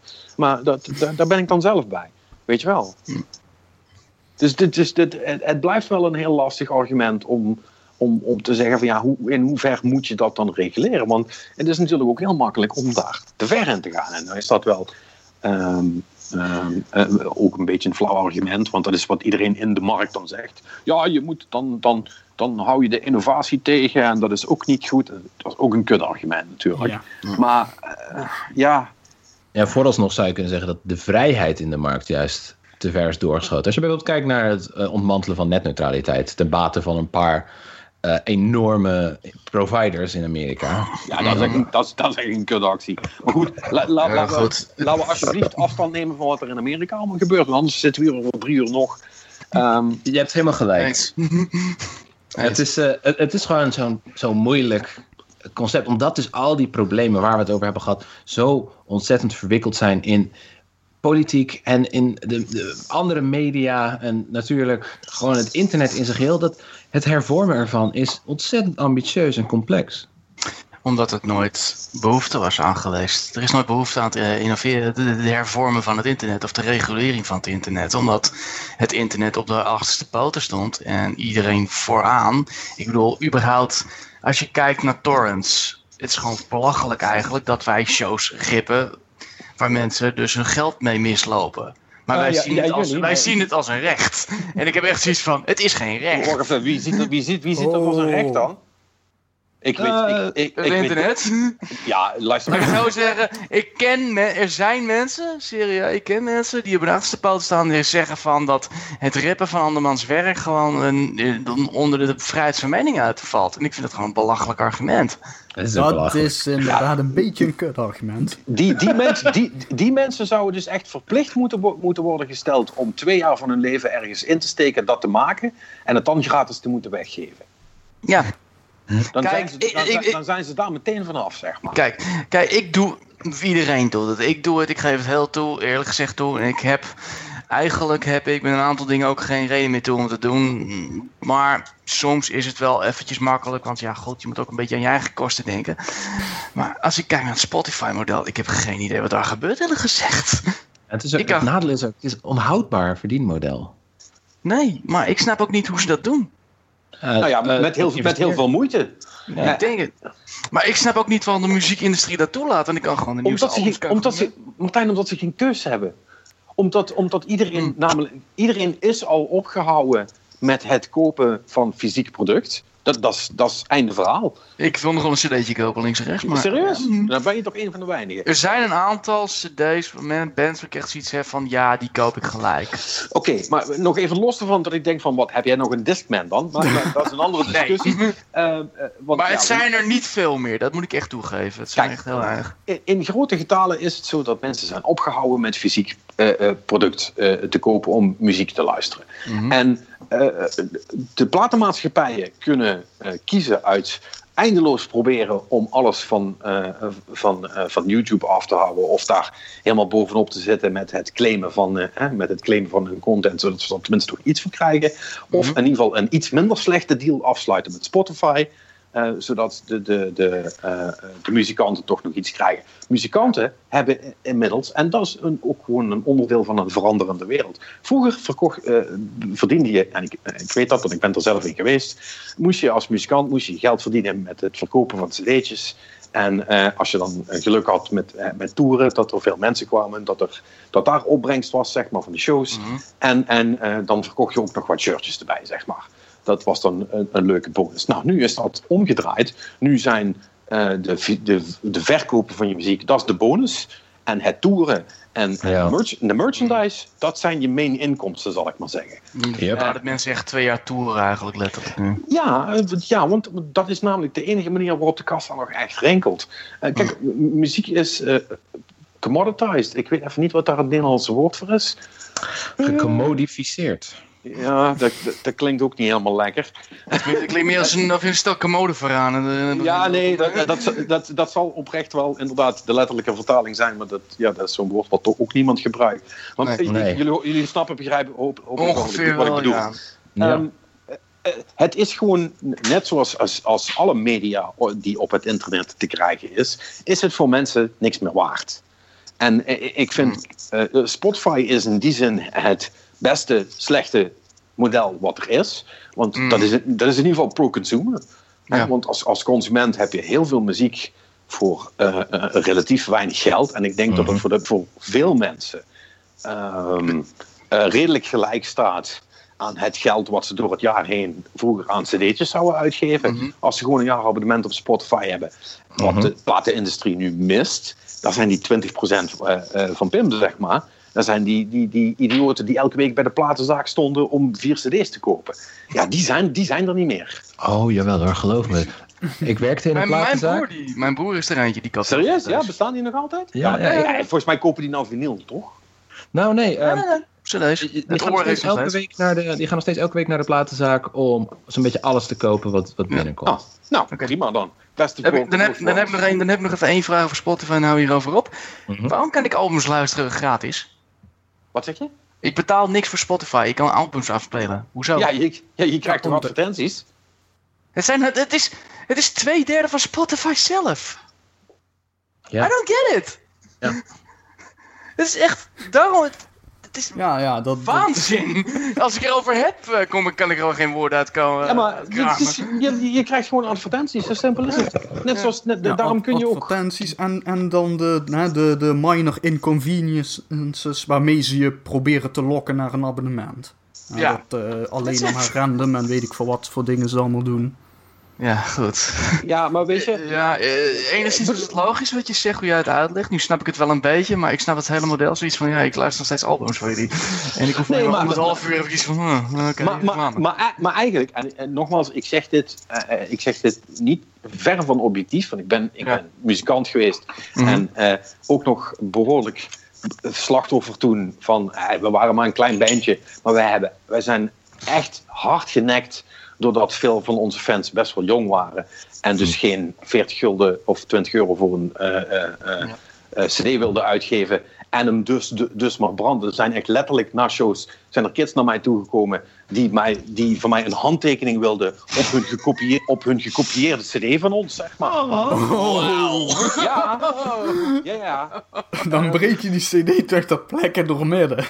Ja, dat heb ik eh, één keer gedaan en toen werd me toch aangeraden dat niemand te doen, dat dat niet zo fanvriendelijk was. Eh, en daarna heb, ik, daarna, heb ik, maar- daarna heb ik maar gewoon nee gezegd. Ehm, maar goed, eh, ik, ik wil maar zeggen, dat, het is echt wel een ding. En in die zin ben je eigenlijk, vind ik, als jij Spotify luistert en je hebt het er niet eens voor over om dat laffe, wat is het, 9 euro, tientje Ja, per maand tientje. daarvoor te, be- te betalen, ben je eigenlijk best wel een low. Ja, nou goed, ik betaal voor meer dingen voor een tientje. Dus ik heb zoiets van, ja, ik ga niet mijn andere creditcard eh, opmaken. Maar Ja. luister jij niet zoveel muziek dan? Nou, als ik, ik zet de Spotify aan, ik denk niet eens met mijn gezegd. Maar als ik erover nadenk, En dat doe- en dat doe je hell? En dat, en Ja. dat doe je, neem ik aan, elke dag? Ja, nou goed, meestal gooi ik de Discover Weekly op of mijn favorieten. Ja. Het is niet altijd dat ik toch- altijd albums luister, maar het is achterlijk, ja. Maar het is toch raar? Ja, daarom vraag je het ook van, hoe, wat, wat is dit model? Ja. Nou ja, Niet. de- Het is gemakzucht dit. Het is gewoon van, nou ja, weet je. Ja. En het kan best zijn dat ik als ik op een gegeven moment zoiets heb van, nou weet je wat, laat ik nu maar een plezier doen. Maar anderzijds heb ik zoiets van, ja maar, ik ben waarschijnlijk niet de enige die dit doet. En ik snap het, ja. Nee, Eh, maar, maar, maar het, het, het probleem van, van, van, van dat denken. Wacht, Mhm. wacht Pim, je, je, je, je kunt zo eh, inhaken.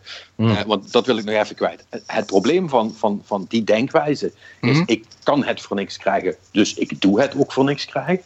Ehm, zorgt er uiteindelijk voor dat eh, in principe goed bedoelde en relatief eerlijke systemen, zoals bijvoorbeeld Spotify, uiteindelijk het niet gaan halen.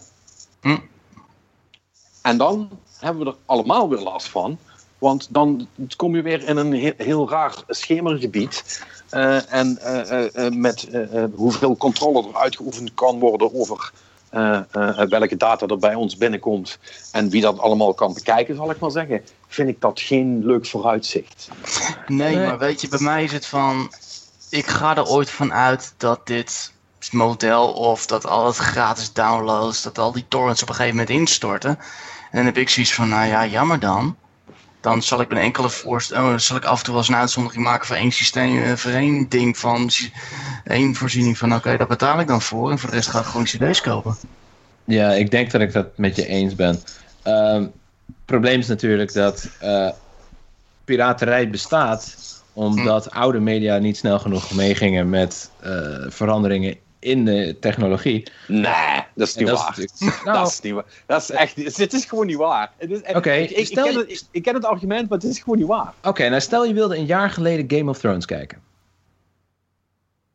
Ja, Wat moet je dan doen? valide argument. Toen was, het er, eh, Ja. toen, toen was het er nog niet. Dat klopt. Maar, counterpoint.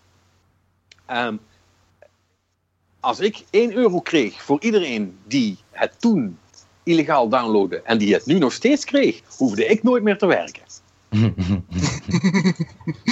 Eens of niet?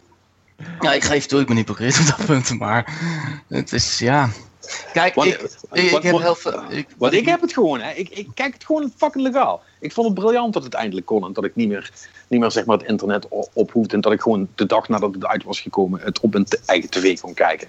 Eh, maar goed, dat- nogmaals. Ik, Kijk, dat, dat, dat heeft bij mij meegespeeld, waar ik onder andere op WWE Network zit op dit moment. Van, ik heb gewoon niet meer zin in het gezeik en het hele downloadverhaal. En nu is gewoon drie kwart van wat ik kijk, kan ik gewoon kan ik gewoon in één keer vanuit mijn Xbox opladen. En ongetwijfeld zal ooit New Japan volgen. Maar ja, ik heb, mijn beperkt, ik, heb, een- ik heb voor mezelf ook een beperkt creditcard budget opgelegd. Van ik kan niet alles doen. Eh, en, dat Voor was, mij is dat eh, een keus. en dat was het laatste wat ik da- daar nog over kwijt wilde. Zonder daarop in te gaan, want dat is weer een heel complex verhaal. Maar Mhm. de koopkracht van jonge mensen als wij, eh, die neemt ook een beetje af. We hebben minder bestaanszekerheid en ook Oh, minder bestedingsbudget oh, voor dit soort dingen. nou, wat zielig. Ja, dat is naar, maar het, het is Het wel... is vast wel natuurlijk. zo. Het is wel zo. Het is godverdomme gelul. Jullie denken gewoon dat jullie alles moeten kunnen. Zo werkt Ook. het leven niet. Is godverdomme. Nee, dat is godverdomme. Ja, maar dat wordt met. Dat, kijk, ik eh, ben rechts van het spectrum, maar ik geef eerlijk gezegd toe, dat is wel wat er continu wordt gezegd: van je moet alles beleven.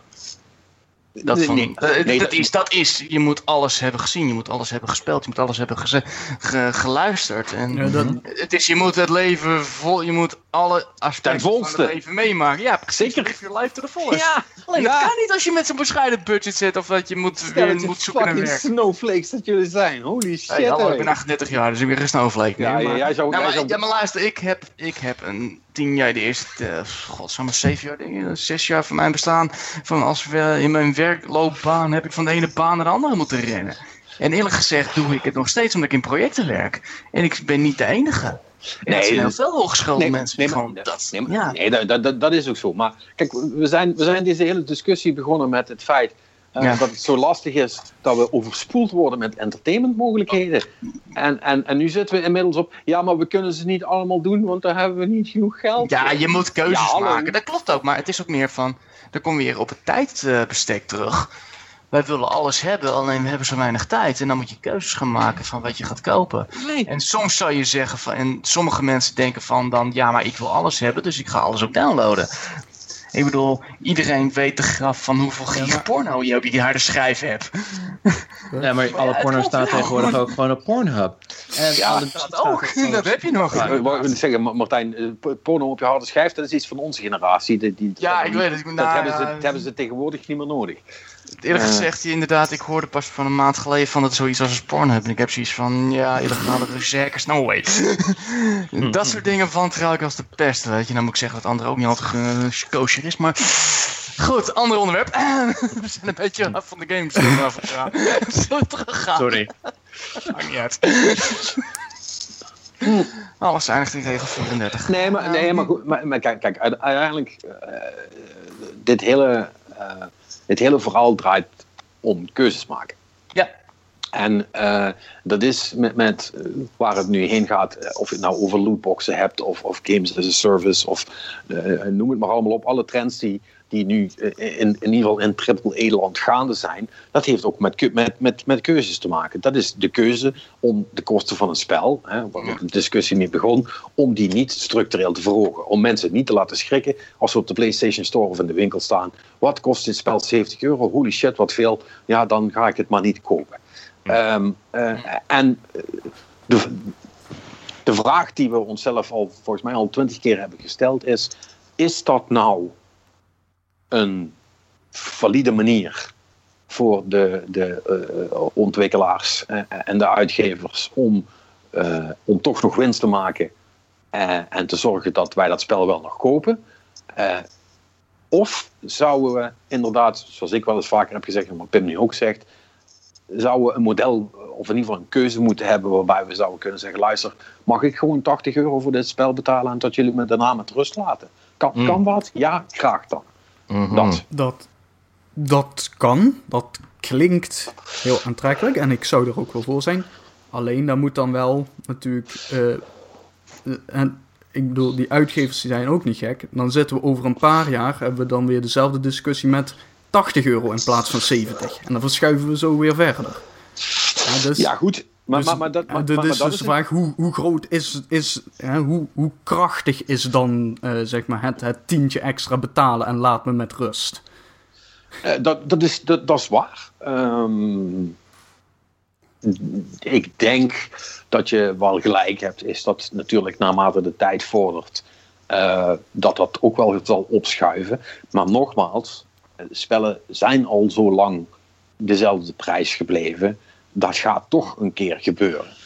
Nou, wat ik, eh, waar we het nog helemaal niet over gehad hebben, is want zelf verwacht ik er helemaal niet van dat games meer graphics blijven hebben. Niet? Voor mijn part eh, zouden we ook wat meer mogen gaan kijken naar hoe we games beschouwen. En dit is natuurlijk weer een verhaal voor een andere keer. Eh, hoe we games beschouwen, wat we ervan verwachten en welke ontwikkeling we daarin willen zien. Wat mij betreft zouden AAA-games helemaal niet zo duur zijn. Of zo duur zijn om te maken. Maar ja, dat is natuurlijk een, eh, een natte jongensdroom. Dat gaat nooit gebeuren. Ah, ik, kijk, dat, dat heb ik natuurlijk ook al vaker gezegd. Ik ben zeker sinds de PS4-generatie vind ik het qua graphics zijnde wel goed. Of ik, ik weet je wel, stijl doet mij meer dan hoeveel polygonen de neus van weet ik veel welk personage heeft. dus weet je wel, geef me liever iets als Dishonored. Met, met een stijltje erover dan eh, de- The Witcher 3 bij, bij, spreken. Ik las een, eh, een tweet van de Australische gamewetenschapper eh Brandon Keogh. En die zei voor de grap... Wat als spellen er alleen nog maar uitzagen als ze de hoogtijdagen van PlayStation 2? En ik had oprecht zoiets van... Dat zou ik helemaal niet erg vinden. Jawel, ik, wel- ik wel. Oh ja. Dat Ja, vind ik dan weer een beetje Nee, dat- extreem nee, naar de andere sorry. kant. Maar Nee, maar dat, dat, gaat, dat gaat echt veel te ver. En ik, ik, dat, dat vind ik wel heel raar. Eh, want niemand kan mij vertellen dat als ze echt een super geile trailer van een nieuw spel zien, waar alles er echt fucking cool uitziet, dat je er niet zoiets hebt van, boah, dat ziet er verder uit. Sorry, ik, ik ik heb dat. Ik heb dat. Ik, kan er, ik, ik, ik ben er gewoon niet door geïmponeerd. Het- Oké. Ik moet zeggen, die Street Fighter, eh, die arcade, eh, Street Fighter 5 arcade trailer, die zag echt super mooi uit. En dan word ik wel, daar, daar heb ik wel zoiets van, ja, vet, dat is echt cool, dat wil ik graag Nou, zien. dat- En ik zou niet terug kunnen naar een PlayStation 2 tijdperk. natuurlijk, Maar anderzijds, het is wel heel trailer erg- is natuurlijk altijd vet om te zien. Alleen, Het is, het heeft hoeveel ook- zie je daar nog van tijdens het spelen? Nog genoeg. Hm. Ja, luister, dat jij een slechte tv hebt, dat is niet mijn probleem. Hè? Nee, maar ik denk, het, het kan best samen gaan hoor, qua stijl en polygonen. Ja, maar dat, is natuurlijk, ja, dat, dat, bestaat al, dat heet de Switch. Mm. Bijvoorbeeld. Hm. Of inderdaad een Street Fighter 5. Ik bedoel, dat ziet er ook schitterend uit. Ja, En dat, ja, dat, dat was twee jaar geleden ook al. Het spel is nog steeds. eh, misschien ja, nu is het dan wel af, dus dat scheelt. Ja. Ehm, eh, maar, maar dat vind ik dan uiteindelijk wel belangrijker. En natuurlijk is er wel iets voor de, de, de law of diminishing returns, zoals dat zo mooi eh, in het Engels heet. Eh, die, die gaat zeker voor, eh, voor, voor game graphics gaat die echt heel erg op. Want op een gegeven moment kun je het inderdaad wel allemaal in 4K maken met nog wat meer effecten en 60 frames per seconde. En er zijn voor sommige van die dingen zijn zo- zelfs nog wel gameplay-argumenten eh, eh, te verzinnen, zeker voor die 60 frames. Ehm, en, en dat dat dus op zich wel belangrijk is. Ehm, maar om dan even eh, terug te grijpen na- naar iets wat we. Want ik denk dat we allemaal maar moeten gaan integreren, anders wordt er weer een podcast van vier uur. Sorry. Eh, van, van wat wij hebben. Van wat wij hebben zitten spelen. We, we, we hebben deze week met z'n met z'n allen even eh, Fortnite zitten spelen. Mhm. Ehm, en ja, zo spannend ziet dat er ook niet uit. Maar het blijft nog steeds een leuk spel. Dus hè? Ja. Wat, wat maakt dat dan uit? Kijk, bedoel, PUBG is, is, is eh, een zootje qua eh, interface en besturing en alles. Dus da- daar kan ik echt niet tegen. Maar Fortnite, zo blijkt, eh, daar kan ik dan nog wel redelijk handelen. Want dat, dat is dan weliswaar net iets mooier dan een PS3, zeg maar. Mhm. Ehm, maar goed, de draw distance, of hoe ver dat je kunt kijken, dat is wel prima. En de rest neem je, en het heeft een soort van stijltje eroverheen à la Nintendo. Dus dat, dat houdt zich dan een, een klein beetje beter dan eh, het semi-realistische van PUBG. Dus Ja. dat, dat is dan wel oké. Maar dat wil niet zeggen dat nu dat, de- dat ze de update eroverheen hebben gegooid deze week, dat alles er beter uitziet. Dat ik wel meteen zoiets had van, ah, cool, het ziet er beter uit. Fijn. Nou, nou, zie, ik, eh, nou zie ik nog beter wa- waar ik ben en wat ik ben aan het doen. En dat, dat zijn toch dingen die er wel degelijk ook voor het spelen toe doen. Dus je kunt mij niet vertellen dat, eh, dat eh, als we alles in PS2-graphics zouden maken, dat je dan nog steeds dezelfde spellen zou, zou, zou kunnen spelen die je nu kunt spelen. Want dat is gewoon niet zo. Sommige dingen gaan dan gewoon niet. Mhm. Hm. Ja. Dan kun je, dan kun je geen PUBG meer spelen. No, no. Als je PUBG goed wil spelen, zet je alle foefjes juist uit, omdat je dan geen, eh, geen poep meer ziet. Dan kan je geen mannetje van een bos meer onderscheiden. En ineens wordt het gras hoger en zo. Bluf. Nee, nee. Gewoon zo min mogelijk textures en anti-aliasing maximaal. En dan kan je alles het beste zien. Ja, maar de- En het voordeel is ook Maar- van dat... Ha- ha- Ja. hey, hallo, dat is eigenlijk een PS2-graphics. Dat is gewoon een trade-off. Dat is niet hetzelfde. Nee, nee, nee, vriend, dat werkt niet. dat is een vals argument. Nee, maar het klopt. De technische mogelijkheden brengen natuurlijk gewoon nieuwe dingen mee. En eh, ja, dingen worden scherper. Ja, maar toch, als ik, ik, ik, ik wil er geen discussie mee uitlokken, maar soms vraag ik me af, waar zijn graphics goed voor? En waarom moeten die spellen er geavanceerder uitzien? Eye of the Beholder. Hmm. Ja, Het is een kwestie van smaak. Immersie. vooruitgang, tussen haakjes. Nou, niet per se vooruitgang.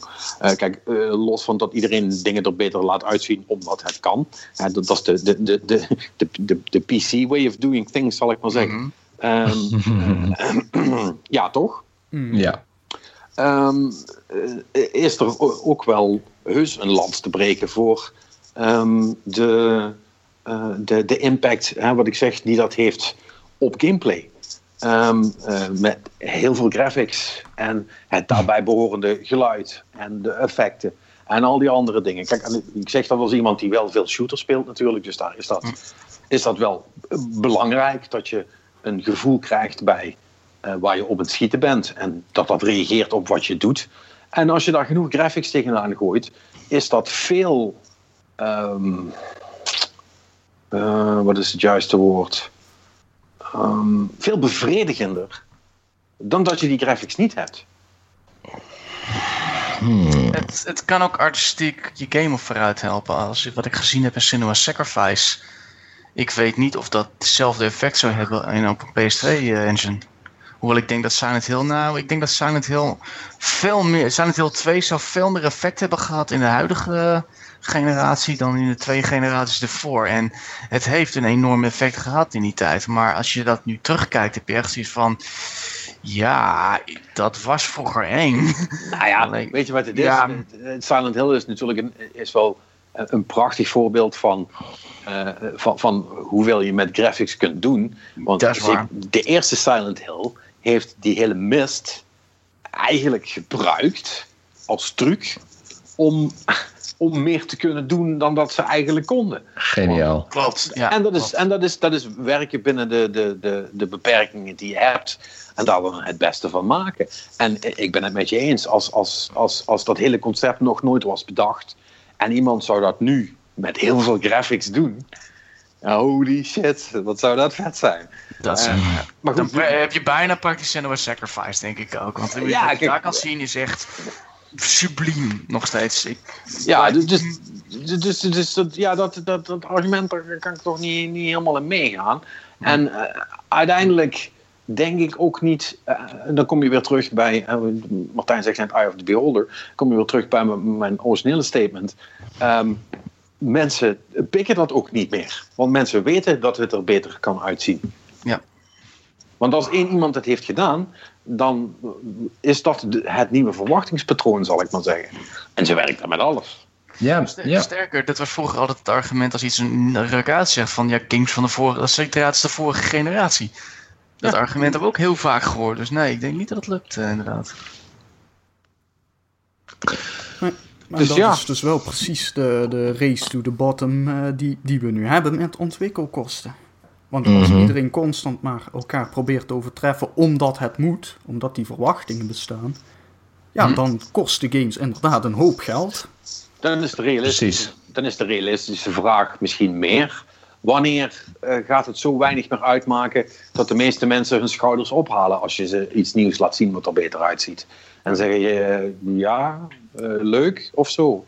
Ja, v- voor, voor mij is denk ik dat we met deze generatie, eh, en wat ik zeg, voor mij zit het nu meer in, in stijl, eh, wat, dat me wat doet dan hoe realistisch het nog uitziet. Want echt, echt realistisch is het toch niet. Het enige wat je gaat zien is, oh wauw, dit ziet er super vet uit, totdat je ergens in een hoekje een of ander stoeltje tegenkomt, wat dan toch eh, een beetje teleurstellend is. ja. Ja, Dus dat, Ja, de, de contrasten worden dan ook steeds groter. dat is waar. En, eh, en we- die discussie hebben wij ook wel vaker gehad. En op een gegeven moment wordt het, wordt het ook wel veel belangrijker om artistiek goed bezig te zijn dan dat je, eh, dan dat je veel graphics hebt. Ehm, eh, eh, maar dat is uiteindelijk lood om oud ijzer. Hè? Want ook dat moet gemaakt worden, dat moet geprocessed worden, dat moet een systeem aankunnen. En daar moeten mensen aan werken om het zo te, te maken. Dus, nou eh, zijn we inmiddels, eh, wat, anderhalf uur verder? Zo'n beetje. Eh, Ja, heb je goed gedaan. en, wat zijn we, en wat zijn we nou precies opgeschoten? Met, de hebben, we, hebben, we, eh, hebben we een vraag, hebben we een antwoord? Zijn we ergens? Waarheen? Waarvoor? Leidt de weg? Ik denk dat we wel een stukje wijzer zijn geworden over waarom games duurder worden. Een beetje omdat het gewoon een, eh, een trein is die we niet meer tegen kunnen houden. Mm. En waarom willen we niet meer voor games betalen? En ik denk dat het- dat ook een, eh, een hopeloze situatie is waar we niet uit gaan komen. Ja, we zijn, we zijn ook vrij hopeloos als gamers, denk ik. Alles, ja, nou wij zijn ook, nou, maar, maar dat is wel oprecht een, een, een- een punt wat het aanstippen waard is. Wij zijn als doelgroep misschien wel het allerhopeloost. Nee, worstelen is nog veel erger. Ja, Geloof me, worstelen, Oké. WWE Weet je fans, wat? oh my god. You know what? Ik geloof je. Ik, ik geloof je. je. Ja, dat, Oh dat, my dat god, vreselijk. Maar ja, eh, nee, nee, nee maar, maar, maar even serieus. Ik bedoel, eh, eh, het is een. gamers zijn echt de, de, de, de, de slechtst voor zichzelf opkomende crowd die er is, wat dat betreft. Nee, dat, is, dat zijn worstelfans juist weer niet. Dat is wel zo. Die eh, brullen gewoon keihard in de zaal als iets zuigt. Dat, dat doen ze al decennia. Dus dat is oké.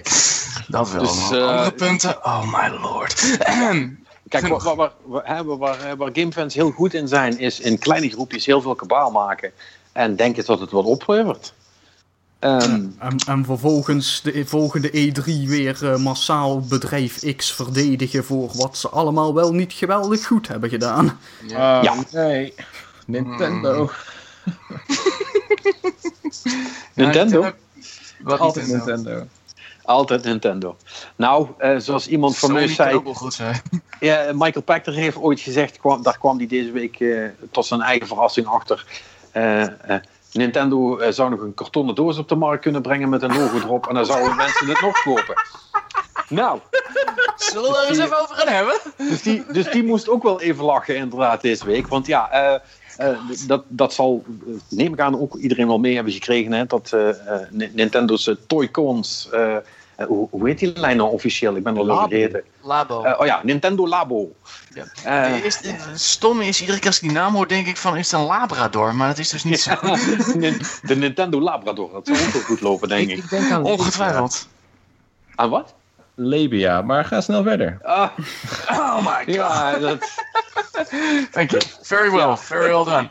Ik moet wel zeggen, toen ik het de eerste keer zag, had ik echt zoiets van, ik heb geen idee waar naar zit te kijken. maar ik toen dacht, ik bij, toen dacht ik bij mezelf van, ja, maar dit doen kinderen met kartonnen dozen. Dit doen volwassenen zelfs met kartonnen dozen. ik vind het zo cool. Hij gaat Ik hem vind kopen. het zo Hij gaat hem kopen. Nee, nee, nee, nee, nee, nee, nee verre van, verre van. Eh, mis- mi- misschien misschien eh, dat, ze, dat ze me opsturen, dan zal ik er zeker naar kijken, maar dit zou ik nooit voor mezelf kopen. Maar het feit dat dit bestaat, Is vind ik echt super cool. Echt, als, eh, als, als ik dit als tienjarige zou krijgen, zeg maar. Echt Mhm. mi- mind blown to, to Saturn, zeg maar. Dat geloof ik wel. Hoe, hoe vet is dit?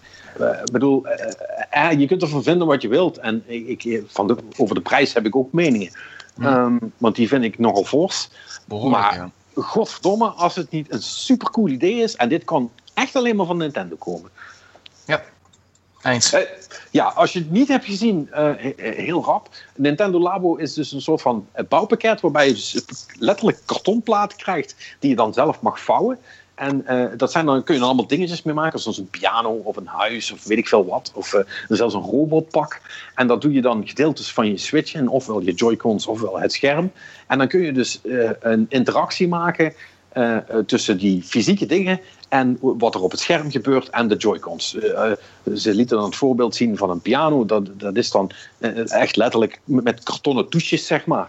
En door, door die Joy-Cons erin te leggen op de een of andere manier kunnen ze dan zien welke toets dat jij indrukt. En dan krijg je dus uit de speaker van je, van je Switch-scherm komt er dus geluid als jij die kartonnen toetsen van je piano indrukt. Ja, ik Ja. vind het echt briljant. Je hebt ook zo'n robotpak zelfs, waar je volgens mij van de game kan spelen. Ik weet niet of dat ARMS is trouwens, maar... Nee, dat is niet ARMS. Nee, dat is een ander spel. Ja, dat is echt, dat, maar dat, is, dat, is, dat robotpak is helemaal tof. Ja. Dat is echt met, met touwen en constructies en katrollen. En dan kun je dus echt eh, eh, eh, live eh, eh, vechten alsof je een robot bent. En eh, op het scherm zie je dat dan terug. Nou, het, is allemaal van dat soort flauwekul. Je moet, dit- dit- ja, moet je, daar moet je echt de trailer voor kijken. Dan krijg je een veel beter beeld Ja. van. Maar Het, het, Ehm, eh, ja, het, is... het is heel creatief. Ja, Het is dit, dit, deze generatie, ik weet niet hoe dat Nintendo, wat ze hebben gebruikt daar op het kantoor, maar het is echt geweldig wat ze laten, dit de afgelopen twee jaar laten zien qua creativiteit. Ik bedoel, dit heb ik in tijden niet meegemaakt. Ja. Zulke dingen. Zij, zij bepalen nu op dit moment wat er nieuw is weer. En sinds de vier hebben ze het eigenlijk niet meer gedaan. Ja. Dus eh, all power to them. In ieder geval, eh, de prijs, ehm, ja, daar moeten we wel helaas even wat over hebben. Eh, het basiskit, Nintendo Labo kit, dat is dus zonder het robotpak in ieder geval, dat is 60 dollars. waarschijnlijk ook Oeh. 60 euro. En de robotkit is 70. En je kan ook nog customization sets kopen voor 8, eh, 9 euro per stuk waarschijnlijk. ja. Dus het is het, het pa- standaard pakket is 28 cardboard sheets. Ehm, drie reflecterende sheets. Ik weet niet wat er precies inhoudt allemaal. Sponge sheets en een zootje, stre- een zootje touwtjes en eh, elastieke bandjes waar je allemaal leuke dingen Ja. mee kan doen. daar, daar kun je die shit allemaal mee maken, zeg maar. Ja, precies. Dus ja, het, is, een- het heeft een prijskaartje en nou ja, goed. En het, eh, het, het customization stick krijg je wat di- aan- aantal dingen bij. En volgens mij ga je het zelf allemaal lekker zelf gaan uitzoeken van hoe je het allemaal gaat invullen en zo. Je kan het zelf de kleuren geven en je kan stickeren en alles. Dus Ja. ik ben benieuwd. Er is nog geen datum volgens mij, hè? Of dit Eh, jaar geval. April. april. April al zelfs, kijk. Mhm. Nou, wauw. Midden, mid- midden april, volgens mij de 20ste, als ik het goed heb. Eh, maar pin me er nog niet op vast. Ehm, Maar goed. eh, kijk, Ja, 420 inderdaad. Ja. Ja, en eh 69 dollars. Ja. Ah. I see what they did there. Her. Eh, her, her. Nee, maar eh, even voor de goede orde. Vindt iemand dit stom, onnodig en te duur? Te duur, ja, maar wat maakt het uit? Het gaat toch verkopen. On- on- ongetwijfeld. Ongetwijfeld, nee. Ik vind het een geweldig idee voor de kids. Ik zou het zelf niet kopen, maar ik vind het wel iets van, ik denk van, nou, waarom niet? Hm. Waarom niet? Ik bedoel, ik zie er niet iets in tegen, eerlijk gezegd. Ik, eh, Nou, ik, nee, maar Nee. ik, ik, ik, vroeg me gewoon af dat ik er zo enthousiast in ging. Ik denk, misschien vindt iemand het wat stom, maar eh, wil het nou niet meer zeggen. Eh, dus daarom zeg ik het maar even. Nee, want er zijn natuurlijk ook nog wel wat praktische vragen. Hè? Want het Mhm. is natuurlijk wel karton. En karton kan echt super stevig zijn. ja. Daar kun je echt heel veel mee, wat mensen zich vaak niet realiseren. Eh, dan, eh, maar, maar het blijft wel karton. Dus, ja, ik zat het te denken zo van, is het niet breekbaar? Maar op hetzelfde moment dat ik dat dacht, ging er dus iemand een gaspedaal in tra- trappen. Dus schijnbaar is het best wel te doen. Maar ja, dat, dat is natuurlijk het reclamebeeld. Nee, Ja. nee, nee, maar, maar, maar, maar karton kan inmiddels eh, zo stevig worden gemaakt dat je het maar je echt, echt je best moet doen om het kapot te maken. Hmm. Eh, dus dat kan wel heel solide zijn. Maar ja, wat gebeurt er als dat een keer nat wordt? Of, hè, eh, we- weet je wel, allemaal, allemaal, allemaal dat soort praktische vragen, die, die komen dan natuurlijk naar boven. En dat weet je pas eh, als die kits worden, worden, worden uitgedeeld door iedereen. Ehm, eh, maar los daarvan vind ik het wel gewoon. ik vind het leuk om het Nintendo weer terug te zien dat echt eh, out of the box denkt. Letterlijk. ja. Eh, ja, klopt. Eh, nee, maar, maar ik bedoel, het is wel zo. Ik vind het wel echt. Ik vind het, het is zo'n echt zo'n Nintendo move. Dus ik denk van ja, dat is best wel fucking cool. Maar daar was ik dus echt nooit op gekomen. En dat, dat, dat, dat, dat vind ik wel leuk dat ze dat dan doen. Eh, en dat ze in ieder geval het, hun speelse karakter eh, eh, was eh, een tijdje toch wel een beetje kwijt leken te zijn. Dat dat toch eh, weer terug lijkt te komen, zeg maar. Hm. Eh, dus dat vind, ik, eh, dat vind ik op zich wel goed. Lo- los daarvan moeten we maar zien of die, al die spelletjes, nadat je alles gebouwd hebt, of dat na de eerste 10 minuten nog leuk blijft. Maar goed, dat is ook niet aan ons om dat te, zien. Maar dat is meer iets voor de kinderen om te bepalen. Het, Ja. het is, het is wel heel duidelijk een ding dat niet voor mij is. Eh, ik vind het cool. Nee. Ik zou er graag 10 minuten mee spelen. En dan weet ik ook zeker dat ik het al gezien heb. Maar dat maakt niet uit, want dat is niet, dat is niet voor mij, zeg maar. Dus dat, dat, dat is oké. En dat vind, dat vind ik daar wel leuk aan. En dat was... eh, dat we, ja, dat, dat was echt zo'n aankondiging die eh, Niemand had uit, verwacht. uit, uit de blauwe hemel kwam, kwam vallen, inderdaad. Die, die, zag, die zag echt niemand aankomen. Dus ik Nee. ben benieuwd. Ja, ik ben ook en, benieuwd. en dat was volgens mij ook wel het enige goede nieuws van deze week, toch? Nou ja, in ieder geval. eh, het andere is dat eh, Phil Spencer heeft zijn taken als eh, de man die al de first party development overziet eh, opgegeven. In ieder geval, die heeft het gestuurd naar de nieuwe naar de Minecraft boss met de naam Matt Booty.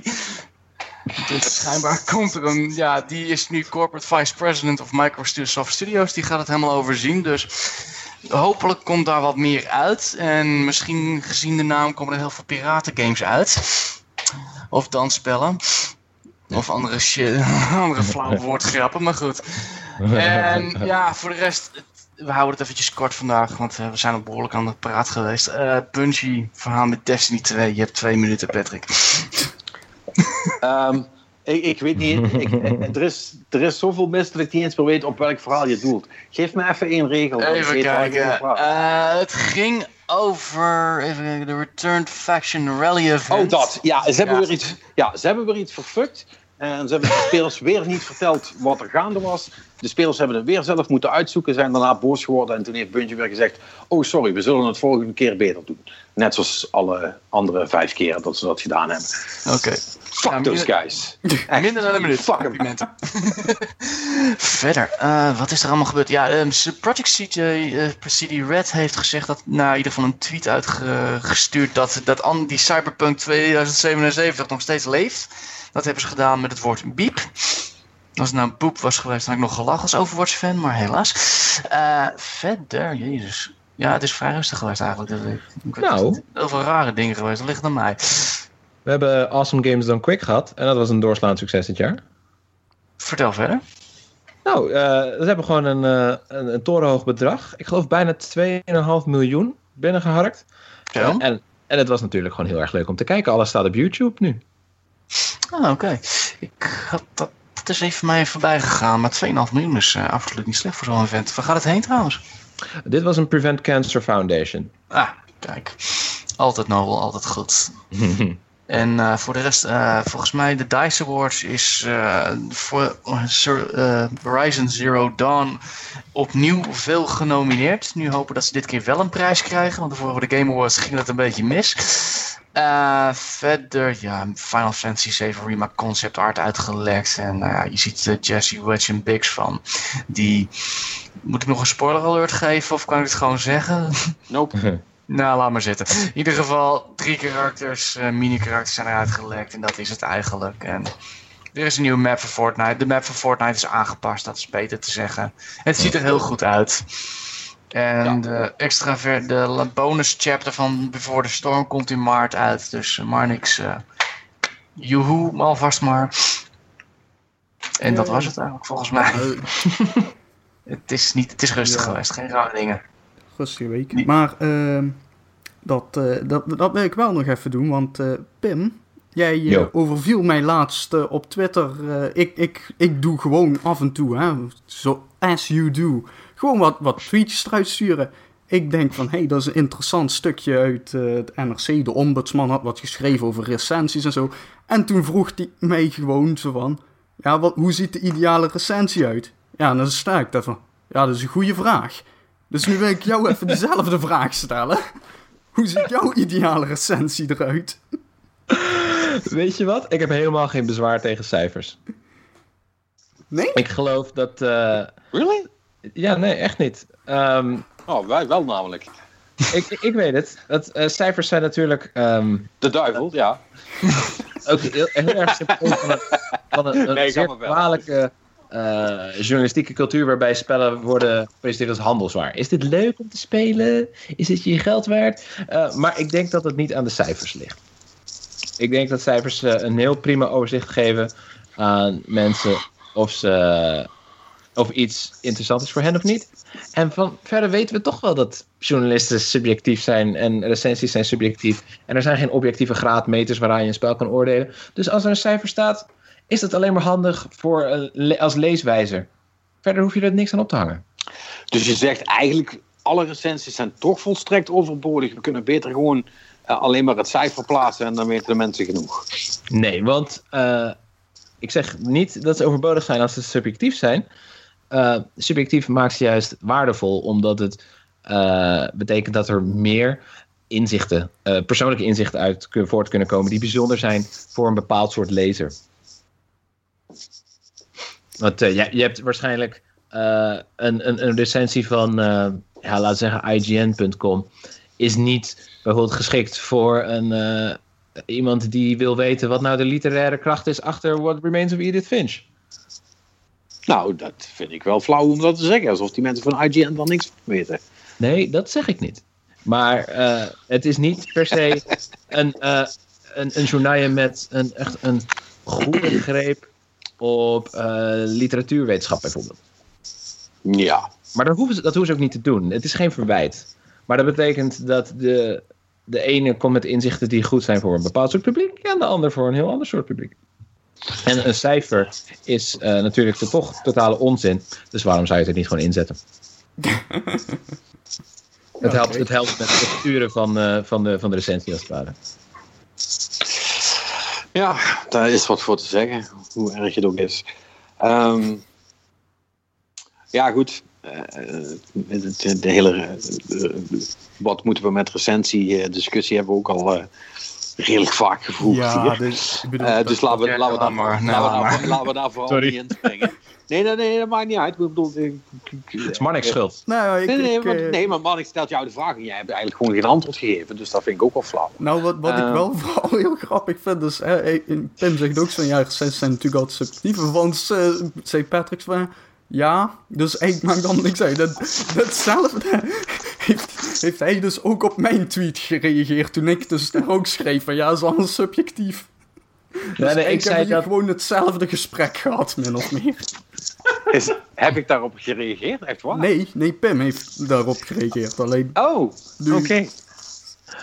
Uh, wat, wat ik zei was dat uh, het- alle recensies zijn subjectief. Daar kunnen we gewoon van uitgaan. Dus we hoeven niet te zeggen, ja, ik vind het belangrijk dat de recensie objectief is of subjectief. Ja, Ja, maar, ik, maar die hele discussie is toch fucking irrelevant? Mhm. Ik bedoel, dit, dit, dit, dit- dit- alle, alle recensies zijn al subjectief sinds recensies bestaan, zeg maar. Mhm. De vraag is, de echte vraag, waar ik nog niemand over heb gehoord, Hm. is of recensies bestaansrecht hebben, omdat de subjectiviteit, om het dan maar even zo te noemen, van de mensen die recensies schrijven, ertoe doet.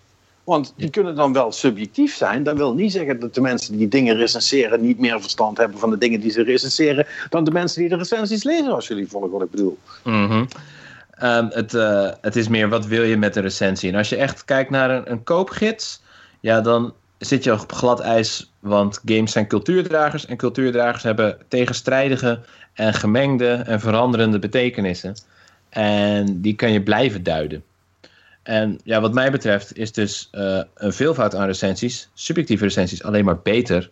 Omdat het helpt met het duiden van een bepaald spel voor jou. Er is altijd wel iemand wiens werk in lijn ligt met wat jij verwacht van dingen. Of met jou, eh, of de overeenkomt met jouw wereldbeeld. Ja, en denk jij dat de, de, de mensen die recensies lezen, want volgens mij is dat ook een uitstervend ras, maar dat is een andere discussie weer.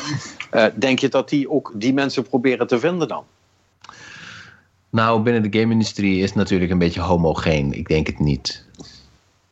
Alles lijkt op elkaar. Eh, Ik, ik vind de verschillen in recensies eh, vrij minimaal. Kijk, als je zegt, hè, eh, inderdaad, als je, om, om maar even twee flauwe extremen te noemen, als je Rock Paper Shotgun naast IGN legt, inderdaad, dan zul je wel wat verschillen zien.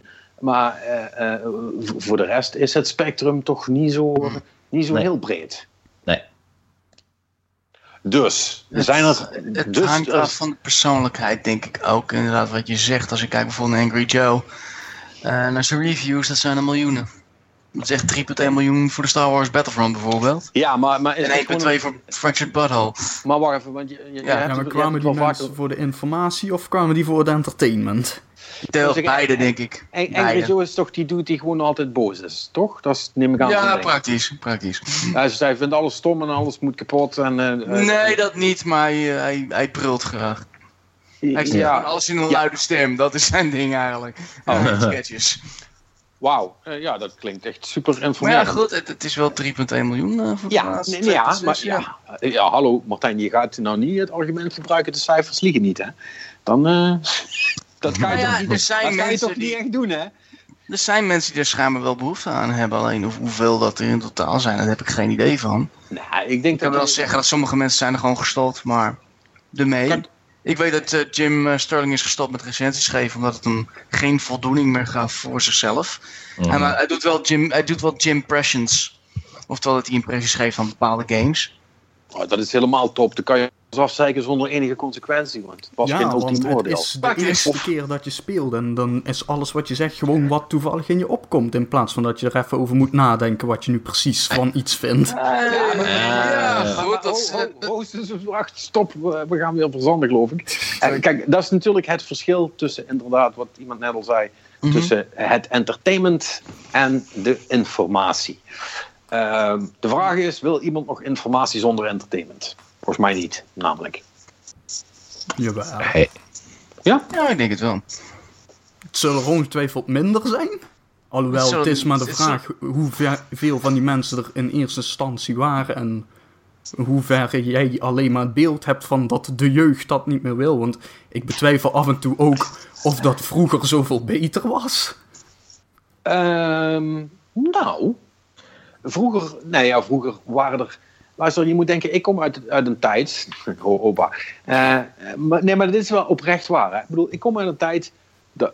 Daar was geen internet. Er waren, er waren, mijn informatie over spellen kwam letterlijk uit de drie, vier magazines die eh, in, in, in, eh, eh, in de, eh, eh, bij de newsstand zeg maar, te krijgen waren. En als je geluk hebt, geluk had, dan kwam er, eh, kwam er nog, nog een, eentje uit Engeland die je misschien eventueel kon bekijken, zeg maar, waar iets in stond. En wat die mensen daarin zeiden over een spel, dat moest je aannemen als waarheid, want dat was de enige informatie die je had. Er viel niks op te zoeken. De, de, de, de- er was niks om mee te vergelijken. Met de critic eh, bestond logischerwijs natuurlijk ook nog niet. Weet je, dat, je moet denken, dat is een, een, een, eh, de, de, de, eh, de informatiedichtheid. Toen ik nog eh, guidance nodig had over welke spellen ik wilde hebben, want zo heb ik recensies zelf altijd gezien, die was veel lager. Ja, je ging gewoon elke zondag naar de kerk en de pastoor die vertelde je wat je moest spelen. Ehm, ja, ja als, je het, als, je het, als je het wil re- reduceren tot, tot dat, sure. Ja, inderdaad. Zo ging dat vroeger. Hm. En eh, ik wil niet zeggen dat dat, eh, eh, dat, dat beter was, maar dat is wel een, een hele andere manier van, van recensies tot je nemen. En daar was ook niemand aan het praten over, over ob- objectiviteit, zeg maar. In die zin bestond dat onderbewust toch ook wel. Want als iemand iets over een spel had gezegd en er bleek daarna, als je dat had gekocht, te ja of te nee, dat jij dat ook vond, dan had hij dus gelijk over spellen, zeg maar. En als dat drie keer was voorgekomen, ja, dan is dat net zoals dat nu denk ik ook gaat. Dan geloofde die, die persoon verder wel. Als die zei, eh, Ja. het, was, het was goed of het was niet goed. Eh, maar ja, toen was een recensie, dat, wa dat waren ook twee kolommen, zeg maar. Eh, of één. Of twee pagina's. Ja, nou ja. eh, ja, ik bedoel, dat, kan ook, maar eh, het, is.